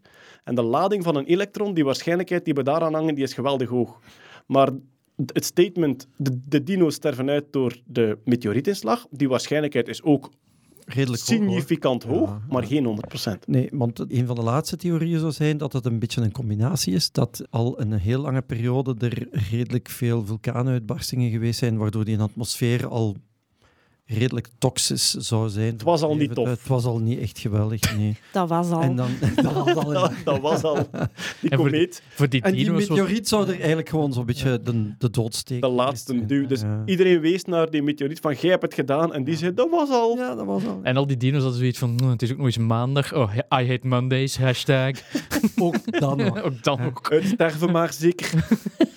maar wat kwam er nu weer naar boven? En als ik me niet Ja. vergis, is het een theorie die af en toe een keer boven komt. Is het na de laatste ijstijd? Het is tijdens de laatste ijstijd. Tijdens de Het- laatste het, zou, ijstijd. Het zou het Jong Drias zijn. Dus En- 13.000 jaar terug, hè? Ja, tussen de 12.700 en 11.560 jaar. Wat gebeurt er op dat moment? Ja, dat er is- zijn dat is de- een paar uitsterfgevallen, maar er is vooral bij heel veel soorten een populatiedipje, waaronder ook bij de mens. Ja, wat men dan heeft gedacht van, het gaat nu eigenlijk vooral over Noord-Amerikaanse megafauna. Mhm. Maar we hebben hetzelfde hier in Europa voor gehad met de mammoets en de wollige neushoorns. En in Noord-Amerika is dat dan de mastodont, denk ik. Hè? De Eh grote... mastodont, dan heb je reuzenluiaards, Reuzenluiaard. reuzengordeldieren en zo van en die... eh, een knaagdier van drie meter hoog, ja, liep er ook. ja, een soort oh, gigahamster. een soort gigabever, denk ik. zelfs. Capybara-achtig Ja. ding, ja. Maar er is lange tijd ook beweerd dat de mens verantwoordelijk zou zijn voor het uitsterven van al die megafauna. Dus dat wij Ja. hier de meeste mammoets en neushoorns om zeep hebben geholpen. Maar nu zijn er een aantal wetenschappers geweest die hebben beweerd dat het ook een meteoriet is geweest die ofwel is ingeslagen ofwel ontploft is in de atmosfeer. Maar dus een groot meteoriet-event, Ja. Maar Is- is hun- is hun theorie, is, in, ja, en, en veel kleiner dan de dino's wel, ja. Dat wel, inderdaad. En er was dan eerst gespeculeerd dat het enkel Noord-Amerikaanse zou zijn geweest. Oké. Maar ik heb eens een keer gaan kijken en dan heb ik daar een review van gevonden. En daar zeiden ze van, ja, oké, dus die mensen hebben zich gebaseerd op, wat was het nu, magnetietbolletjes in beenderen van uitgestorven dieren. Dan heb je de Carolina Bays, dat zouden elliptische depressies, heet dat dan. Dus Een aardlaag. een aardlaag zijn. Ja. In de Noord-Amerikaanse staten die aan de Atlantische kust zitten, dus Delaware, Vermont, wat is het allemaal, zo'n die dingen. En wat hebben ze dan gezegd? Ook nog kleine koolstofbolletjes die ze hebben teruggevonden. Dat zou dus geduid hebben op een grote impact. Die bolletjes, die koolstofbolletjes, zou eigenlijk een bewijs zijn voor grote branden als gevolg van die impact. En dan heeft er iemand gezegd van, ja, maar die bolletjes bijvoorbeeld, die zijn niet te onderscheiden van bijvoorbeeld geleedpotige kak. Of Vliegenkak. vliegenkak of de sporenbolletjes van schimmels. Want dat is wel een belangrijk punt daarin. Ja. De inslag die de dinosaurussen doen uitsterven heeft, is eigenlijk ontdekt in een aardlaag. Als Ja, iridium, hè? iridium. Als, Ja. je, als je naar beneden graaft in een stabiel gebied, hè, dat niet te veel verstoord wordt, Ja. krijg je laag na laag ga je verder in het verleden. En op een bepaald moment ontdekten ze, hier ligt een soort iridiumlaagje dat wij moeilijk kunnen verklaren. En dat is overal over de hele wereld terug. over heel de wereld. Voilà. En Ja, dat iridium zit vaak in grote meteorieten. In grote meteorieten. dat klopt. En eerst hebben ze dat gevonden en daarna pas zijn ze op het spoor gekomen van die krater In Yucatan. in Mexico. Dat, Ja, ja, ja, inderdaad. dat klopt. ja. Maar nu ongeveer hetzelfde zouden ze nu hebben, ah, dat beweren ze nu, hebben ze gezegd van, eh, goed, er is ook zoiets geweest in Noord-Amerika. Het is dezelfde Cluedo. Why, why, Ja. why not both dan? Kan het Ja. niet alle twee geweest? Hoe bedoelt je? eh, Ja, dat er de grote meteoriet die de dino's heeft uitgewiped er was. En dan ook nog deze. Ja, ja, Ja maar, die, Ja, ja, ja. maar deze is veel later. Deze is Ja. veel recenter. Wanneer- wanneer- deze is maar wanneer- 11, 12.000 jaar geleden. De andere... Deze, deze was nu 11, 12.000 jaar geleden. Ja. Dus Ja. voor onze mormoonse luisteraars, duizend jaar voor God de wereld schiep. Dus de dino's 60 miljoen jaar geleden, die iridiumlaag is aangetoond. Dus Ja. Ja, daar hoogstwaarschijnlijk zijn ze eigenlijk vrij eh, ja. zeker van. Hè? Daar is Ja. wel redelijke consensus. En nu, 13.000 jaar geleden, de eerste theorie was de mens heeft alles opgevreten wat groot en lekker genoeg was. Ja. De tweede theorie was het was klimaatverandering door Ja. het einde van de ijstijd. Ja. Nu is er een derde bij als zijnde er is iets heel zwaar ingeslagen. Niet zo groot als de dino-ramp, maar wel groot genoeg om een serieuze om druk... ook een klimaatverandering teweeg te Voilà. brengen. En die zou dus blijkbaar, en dat beweren zij nu, dat is die in Drias, dat is de, de Big Freeze tijdens de laatste ijstijd. dus Ah, er is in die laatste ijstijd, dat eh, ijstijden is niet alleen maar altijd koud, dat heeft ook zo schommelingen in temperatuur. Ja. Maar dat Young Dryas, of het jonge Drias, zou de laatste koude periode tijdens de laatste ijstijd geweest zijn. En dat heten ze dan de Big Freeze. Daar zijn de temperaturen eigenlijk dramatisch gezakt. Ja. En dat zouden zij toewijzen aan die een inslag. Ja, ja, ja. Maar dus, daar is heel weinig consensus over, daar is heel veel discussie rond. En dat laatste artikel wat nu gepubliceerd is, dat is een archeoloog die dat heeft gevonden. En die zegt, ja, maar die baseert zich op pieken van platinum die ze gevonden hebben in bepaalde gebieden. Ook gecombineerd met iridium. Ja, ja, ja. Hij zegt van ja, het is blijkbaar niet alleen in Noord-Amerika. Ze hebben nu ook in Europa dingen eerst gevonden, waardoor ze eerst dachten van ah, het is iets van het noordelijk halfrond, het is daar gebeurd. Maar nu zouden ze ook in Chili en Argentinië dingen gevonden hebben, Ja. waardoor zij nu vermoeden dat dat eigenlijk ook een global event geweest is. Ik vind dat Maar het, zo blijft, schoon. ja, maar het blijft een heel gecontesteerd Ja. gegeven. Ja. Ik vind dat zo schoon aan ook weer de nieuwe technieken die beschikbaar worden voor dat soort onderzoek. Dat eigenlijk paleontologie en oudheidkunde is, dat is een springlevend onderzoeksgebied. Ja. Wat daar Ja. tegenwoordig in ontdekt wordt, DNA-analyses van botfragmenten, de hoeveelheden oermens-DNA die we hebben, mammoet-DNA, megafauna, dat soort Ja. chemische analyses op wat is er Maar hier het leuke gebeurd, is dat, dat waar ze zich vroeger alleen maar beperkten tot dingen op te graven en te, en te determineren, dat heel veel andere soorten wetenschap, de chemie, de, de moleculaire biologie, dat daar ook allemaal nu een rol in begint Ja. te spelen. Ik vind het knap hoe dat ze uit die, die lagen... Alleen onder ons is er een index die achteruit telt van wat dat er gebeurd is op Ja. deze plek. Ik vind dat Ja. fantastisch dat je Ja. gewoon... Ja, Zij hebben het met dit onderzoek hebben ze het nu gedaan met boorkernen die zij in een bepaald gebied in Noord-Amerika hebben. voor ons is dat gewoon grond, hè. Maar voor die mensen. Het is de grootste Cluedo van de wereld. Ja. Is het eigenlijk, zou je kunnen onder onze voeten.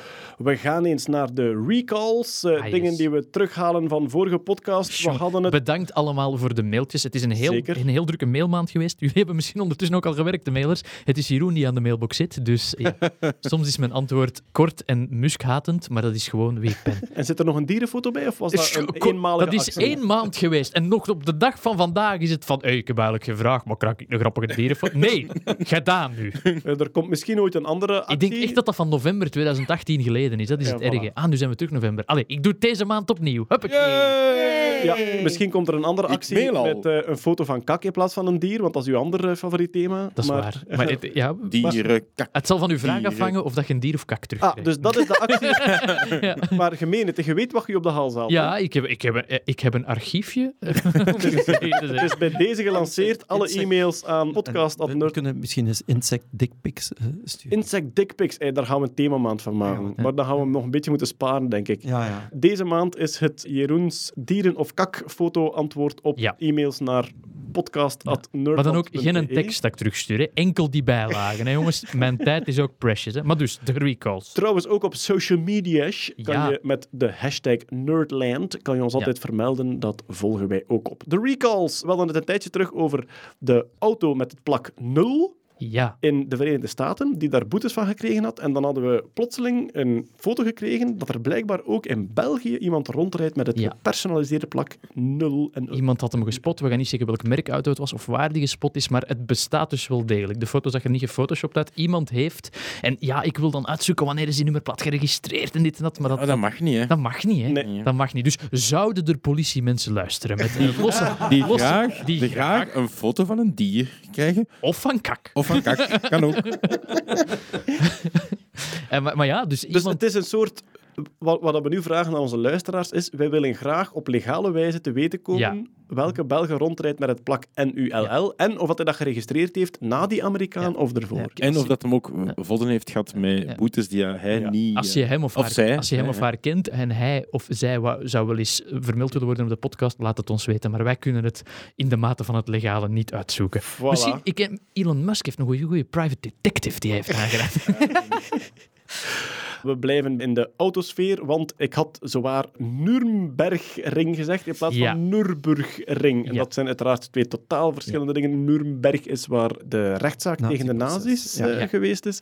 En Nürburg is een compleet andere stad. We hebben heel veel mails gekregen van autoliefhebbers. En ik ben blijkbaar niet de eerste die het meemaakt. Er zijn al mensen die in Nürburg naar een race gingen kijken en een luxe hotel in Nürnberg hadden geboekt. Wat 400 kilometer verderop ligt. 400 kilometer Ouch. verderop. Dus die zijn nog Hey. naar daar mogen Top reizen. komen wel, naast in zijn racewagens. Uitvinders van de autosnelweg, hè? Dat is waar, Kijk, ja, ja. Voilà, het is niet anders. Verder, Jeroen, uw paardentrouw. Ja, ik had het voor... feit dat er ooit iemand, terwijl u lief op een paard rondreed, met zijn arm tot aan de elleboog in de vagina van het paard gegaan is. Terwijl dat mijn liefde erop zat. Of was het de anus? Het, ik, ik, ik- zo dicht zat ik niet. Het, er, er verdween een hele arm in. Maar Justine, haar achternaam ben ik even kwijt, maar bedankt Justine, die begon een mail met ik ga Jeroens paardentrauma ophelderen. Het was de anus. Dat was een anus, ja, inderdaad. Ja, dus- de, de normale gang van zaken is dat je met een echo rectaal op zoek gaat naar de eierstokken. Kijk, iemand moet het weten. En dan kan je kijken of het eitje klaar is om te ovuleren en of er al dan niet tot inseminatie moet overgegaan worden. Dat is dus via het poepenholken. Rectaal. Ja, ja. Ja, blijkbaar. Naar de eerst. Ik zie u kijken, Stefanie. Jij zegt een paard, hè? Ik Allee, denk- de- Hey, gelukkig. Ik denk persoonlijk dat er via de VJJ je geraakt gewoon niet verder dan de baarmoeder. En je kunt niet tot in de eierstokken. Maar de anus heeft een darmstelsel waardoor dat je wel tot vlak boven de eierstokken kunt. En daar kun je dan wel voelen. Ga je dus met, maar dan zit je in de darmen en dan Ja. ga je in die darmen voelen... Ah ja, oké. Of de eierstokken gezwollen Want om aan staan. de eierstokken te Ah. komen, heb je zo een lange, flexibele arm. Allee, zo een heel dun, lang armje nodig dat in zo'n boog gaat. Ja, dat is zo, toch, ja. zo twee van die bolletjes aan de zijkant. We hebben allemaal de tekeningen gezien. Dus bedankt, Justine. Dat is echt iets dat mijn, mijn leven heeft ja, kapot maar gemaakt. eigenlijk. ehm, werd dat paard dan weggeleid naar een hengst of werd het kunstmatig geïnsemineerd? ik heb het niet gevolgd. Ik was te gechoqueerd. Dus, dus eh, Wanda, als je luistert, eh, als jij het nog weet, helder het voor ons op. ja, voilà. Goed, en dan was er nog eentje, namelijk Ja. het racecircuit waar je met de auto op kan rijden in België is niet Zolder, maar is Francorchamps. En ik herinner me dat ook ooit op weg naar de Ardennen zei mijn papa, we gaan nu een stukje Formule 1 circuit doen. En dat was gewoon een stuk van de openbare weg, waar dat er zo van die rood-witte bochten We moeten oppassen met wat we weer zeggen, want er zijn mensen dat daar opgereden zijn vorige Allee, je moet, we hebben een, een verantwoordelijkheid hier. Rij veilig. Ja. Rij veilig, Rij veilig. jeugd. Rij veilig. Do not drink and drive. Er is vorige maand een Space Shuttle geland. Er is eindelijk nog eens een Space Shuttle geland. En dat is gek natuurlijk, want de Space Shuttle kan vliegt al lang. helemaal Kan niet nog niet. Pensioen. Het gaat over de onbemande Space Shuttle X-37B. En dat is een topgeheim project van het Amerikaans leger. Er zijn wel foto's te vinden. Die Space Shuttle is, ik vind het, het is zo futuristisch en bijna griezelig om naar te kijken. Het ziet er exact uit zoals de gewone Space Shuttle, maar dan onbemand. Dus dronevorm, zonder ramen in, zonder... Het is veel kleiner natuurlijk. Is, eh, Ja, daar zit niemand in. Die wordt gebruikt voor geheime legermissies. Die test allerlei dingen in de ruimte waarvan niemand precies weet wat, want het is Amerikaanse defensie. Het is Koekjes bakken, ijscellen kristalliseren. The ja, works. ja, bijvoorbeeld. Die test nieuwe space tech uit die niet naar buiten mag komen. Die heeft al een paar missies gevlogen, maar hij is nu vorige maand geland na de langste missie, twee jaar lang. Die heeft twee jaar lang anoniem rond de aarde gedraaid. En ik vind het perso- Allee, dat vond ik ook het meest ontroerende technologisch aan die Space Shuttle. Een object dat opstijgt en dan terug gewoon stabiel landt op een landingsbaan. Ik heb dat altijd iets prachtig mooi gevonden. En dat doet dit ding dan ook, maar onbemand. Maar ze hebben, ze hebben dat aangekondigd dat hij geland is? Of was hij zo Ja. ontsteld die dat we het gemerkt hebben? Nee, het feit dat Ah, hij geland is, is effectief, ik denk, publiek gemaakt of ontdekt. Ja. Maar dus wat hij gedaan heeft in de ruimte, wat er precies aan boord gebeurt, wanneer hij opnieuw gelanceerd wordt, is onbekend. En het heeft geen speciale vorm, zoals want ik weet, ze hebben zo, de- vroeger waren de, de geheime vliegtuigen of de toptechnologie, waren het altijd zo van die hele platte, Ja, platte dingen, stealth-vliegtuigen, waar, dat, waar ja. dan radargolven op afkaatsen en dat soort dingen. Maar dat is het niet. Het is echt Dit is echt een miniatuur space shuttle en hij wordt ook gelanceerd bovenop een raket. Dus hij zit in de fairing van een raket. Ook, Ah. Ik vind dat persoonlijk geweldig esthetische foto's. Die een X-37B, die bovenop nog een kleiner draagraketje in zo'n fairing module zit. Dat is alles wat je je vroeger voorstelde van Space War toekomst, die een vorm heeft. Ik stel me nu Weet een je- space shuttle voor, maar die zo stiller is. Ja, ik ben een beetje aan het opzoeken nu. De, de raket waarmee het hem gelanceerd is, ten deze, dus op 7 september 2017, was een Falcon 9. Oeh, Wat? kijk eens, voilà. Elon is in on it. En we weten niet wat daar allemaal in zit. legertechnologie. Er is denk ik één of twee dingen hebben ze publiek gemaakt, omdat die meer in zo het DARPA-achtige wetenschappelijk onderzoek zitten. Maar een heel groot deel daarvan is afluisteren van andermans satellieten, nieuwe satelliettechnologie testen. Het is wel experimenteel allemaal. Dus het zijn nieuwe technologieën die ze, waarvan ze hun gedrag in de ruimte willen testen eigenlijk. Maar Oh. classified, sowieso. Maar dat heeft geen cargo. Nee, dus dat kan niks meenemen. En... Ik heb eigenlijk geen idee. Nee. Classified. Maar ik denk niet dat hij gebruikt wordt zoals de Space Shuttle om satellieten te installeren. Dat denk ik niet. Goed, we hebben nog één iets gestaan. Namelijk, een vrouw wandelt door een museum. Daar hangt een warmtecamera. En zij ontdekt op die manier, compleet toevallig, een gezwel. Het was een borstkankergezwel dat zij heeft ontdekt. Stefanie, wat is er juist gebeurd? Iedereen kent die warmtecamera's. Hè. Ik denk dat er in Technopolis, ook zo eentje is. Hè. Of Technopolis, hangt er al vanaf waar dat je- Technopolis. Blijkbaar was het vorige bestuur zeer strikt op Technopolis of Technopolis en is dat nu van de baan. Dus we zijn vrij. Goed. Maar dus een warmtecamera geeft een andere kleur per temperatuur. Ja. Is ooit gebruikt in, ik denk, Japan tijdens de vogelgriep om mensen met koorts te spotten vanaf dat ze van het vliegtuig kwamen. Lijkt me logisch. Heel handig. Hè. Je moet daar gewoon doorlopen en je ziet effectief de warme plekken zoals waar dat ze moet zijn. En die, eh, die vrouw die zag haar linkerborst of haar rechterborst oplichten. Ik denk dat ze zelfs die beelden heeft gekregen. Maar ja, dus ja, dan is er een, een degelijk onderzoek gebeurd en bleek inderdaad dat zij in een vroeg stadium van borstkanker zat, dat daar een gezwel zat. Want die tumoren die hebben een andere doorbloeding. Ja. Dus die worden warmer, die lichten op onder een warmtecamera. Wat dus niet wil zeggen dat je allez, je doktersafspraak moet skippen en gewoon naar Technopolis gaan om te zien van is alles nog wel goed.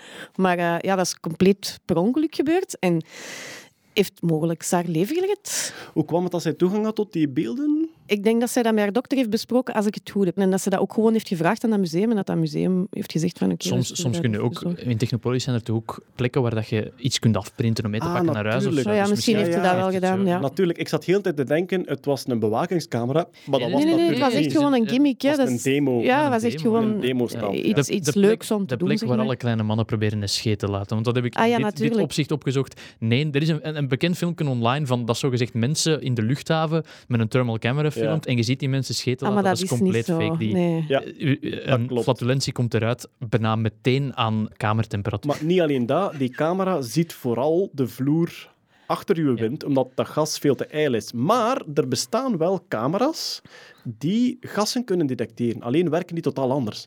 En je kunt camera's instellen op een bepaalde gevoeligheid voor één specifiek gas, Ah, ja. methaan bijvoorbeeld. En die worden gebruikt in de haven. Dus in de haven van Antwerpen rijden ze rond met camera's waarop dat je één specifiek gas een andere kleur ziet krijgen door de frequenties. Ik denk dat het een beetje Twee, twee, spectrometer... twee maanden geleden hebben we het hier ook gehad over nose on a chip, maar dat is dan iets totaal anders. Dat is echt een, de digitale neus op de chip. Ja. daar hadden we dan de, wie het riekt heeft hem geflikt, detector van Ja, dus gemaakt, ja. nose on a chip zou eigenlijk een geurdetector die alle geuren detecteert, zelfs in de toekomst geuren die wij niet detecteren, waardoor dat je ook bepaalde ziektes, hè, sommige kankers zitten in de adem. Maar Jeroen, dankjewel voor dit bruggetje, want Graag gedaan. met hetgeen dat je nu vertelt over die warmtecamera, Stefanie, zat ik weer te denken aan een soort toekomst waarin dat wij hyper gemonitord worden Mhm. en waarin dat wij... Ja, Rustig, klinkt als China. eh, Ja, nee, nee. eh, Waarin dat, laten we zeggen, een groot netwerk van sensoren en artificial intelligence die daar de juiste patronen in herkent, ons zeer vroegtijdig gaat kunnen waarschuwen voor dat soort dingen. Een beetje, het is de titel van een Engels gedicht, All Watched Over by Machines of Loving Grace.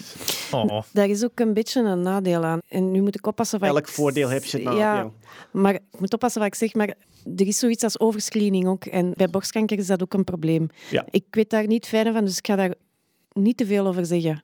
Ik verschoot ervan dat een borst met een gezwel zo hard oplicht. hè. Ik, dat, Ja, dat, dat is dat, die verschil tumor, zo wezenlijk was. Al- dat, is die tumor. Die tumor is zo door bloed dat daar plaatselijk een temperatuurverschil is, omdat die, ja, dat daar gewoon meer bloed doorstroomt. Dat, moet dan, allee, dat is al een vrij grote tumor. Allee, Ehm, ik Dat, was is- dat toch een early stage. ja. early stage, ja. Kijk.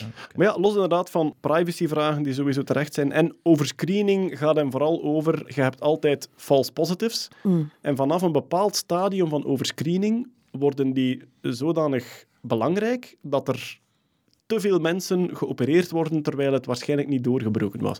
Nu, wij gaan er geen uitspraak over doen. Vraag advies aan uw arts. Ja. Die wordt daar constant over bijgeschoold wat de beste methode is. Dus Ja. screenings zijn goed. Vraag advies aan uw arts wat het juiste tempo Maar- is. Maar heel dat systeem van warmtecamera's kunnen iets extra detecteren. Een geursensor kan iets extra detecteren.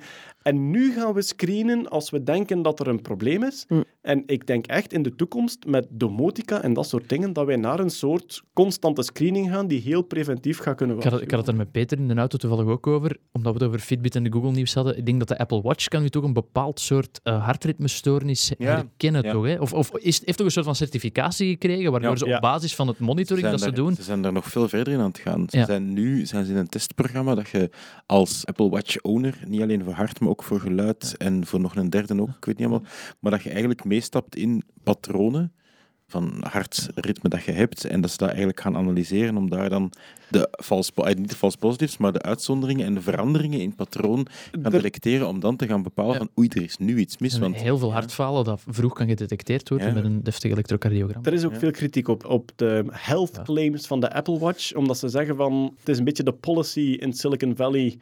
Move fast and break things. En je moet de eerste zijn en daarna... Ja, maar ja, dat is het. hè. En dat gaan we nu doen met een hart. Ja, maar ja, Ja, ja, de, de, ja. de- eigenlijk het begin van Tesla was net hetzelfde. Die een eerste Tesla Roadster waren gigantische problemen mee. Het is dan gewoon, we zijn de eerste en dan herstellen we het. We fixen het Ja, we, we fixen het terwijl dat bezig is.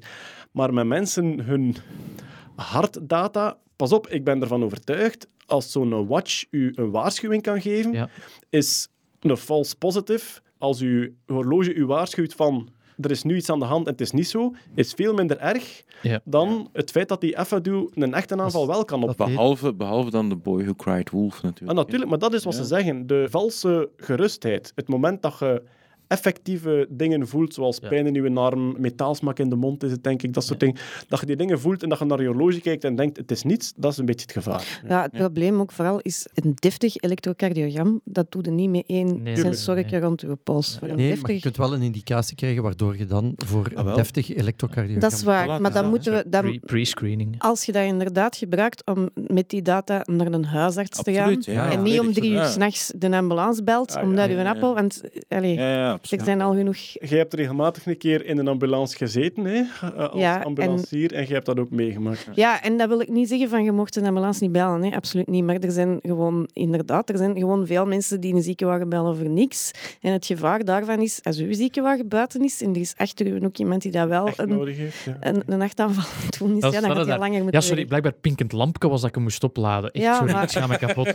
Maar ik dacht, pinkend lampje, dat is Maar, iets met me. maar, Ja. maar bijna eh, letterlijk, bijna, allez, bedoel nu niet met Nee, die nee, zwartwatjes, nee, maar nee, ik, ik garandeer u dat zo'n dingen ja, gebeuren. Want ja. wij zijn opgeroepen geweest voor mensen die hun wc-papier op was. En die, ja, die, die, wa- ik- dat waren dan bejaarde mensen die even hun klut kwijt. Doe, doe Poncho een hartslagmeter aan. Het minste aritmisch ding dat Ja. ik zie op die meter. Ik sta ja. s'nachts om drie uur bij een dierenarts aan zijn bed van red mijn hond, Het is- ik sterven. Het is een heel makkelijke markt om veel geld te verdienen. Kijk naar de monitors die er zijn voor baby's. Hè. Dus Ja, ja. de- er zijn gigantisch veel van die angel monitor dinges. En dat heeft van de ongerustheid van mensen. Absoluut. En dat geeft zeer veel vals positieve signalen. En natuurlijk, als een kind effectief apneu heeft of onrijpe longen of zo, dan moet je dat gebruiken. Maar er zijn ook heel veel mensen die zich dat gewoon laten aanpraten, die dat gebruiken en die om de vijf bot op de spoed staan met een baby, terwijl dat niet nodig is.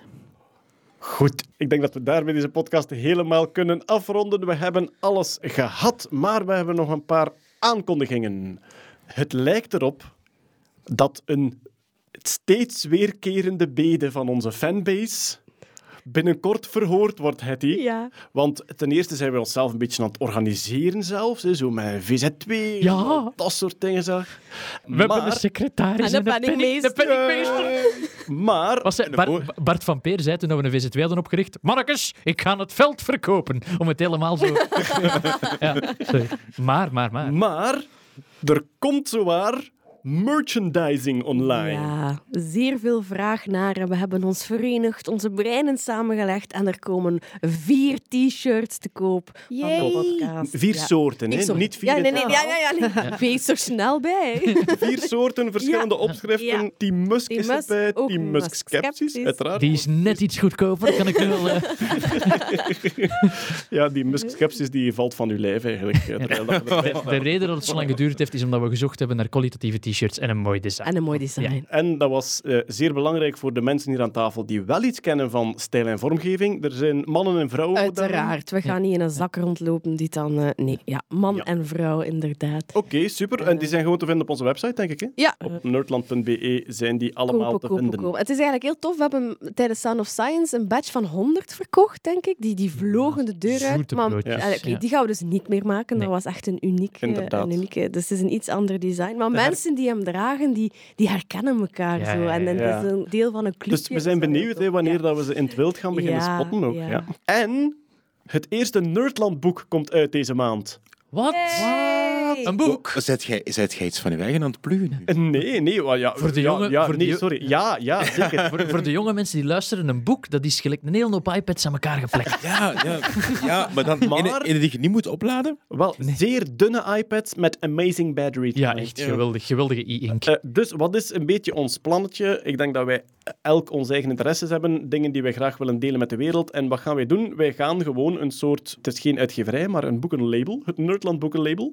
En daar gaan hopelijk vanaf nu één of twee keer per jaar boeken onder uitkomen. Het eerste zal mijn DNA-boek zijn, dus ik heb een voorstelling over DNA waar nu een boekvorm van verschijnt. Het tweede zal Hetty haar CRISPR-boek zijn. Dus in mijn DNA-boek wordt CRISPR even aangeraakt als zijnde, kijk, dit bestaat ook. En Hetty werkt dat volledig uit met de finesses, met de concrete voorbeelden, met wat er in de toekomst aankomt enzovoort.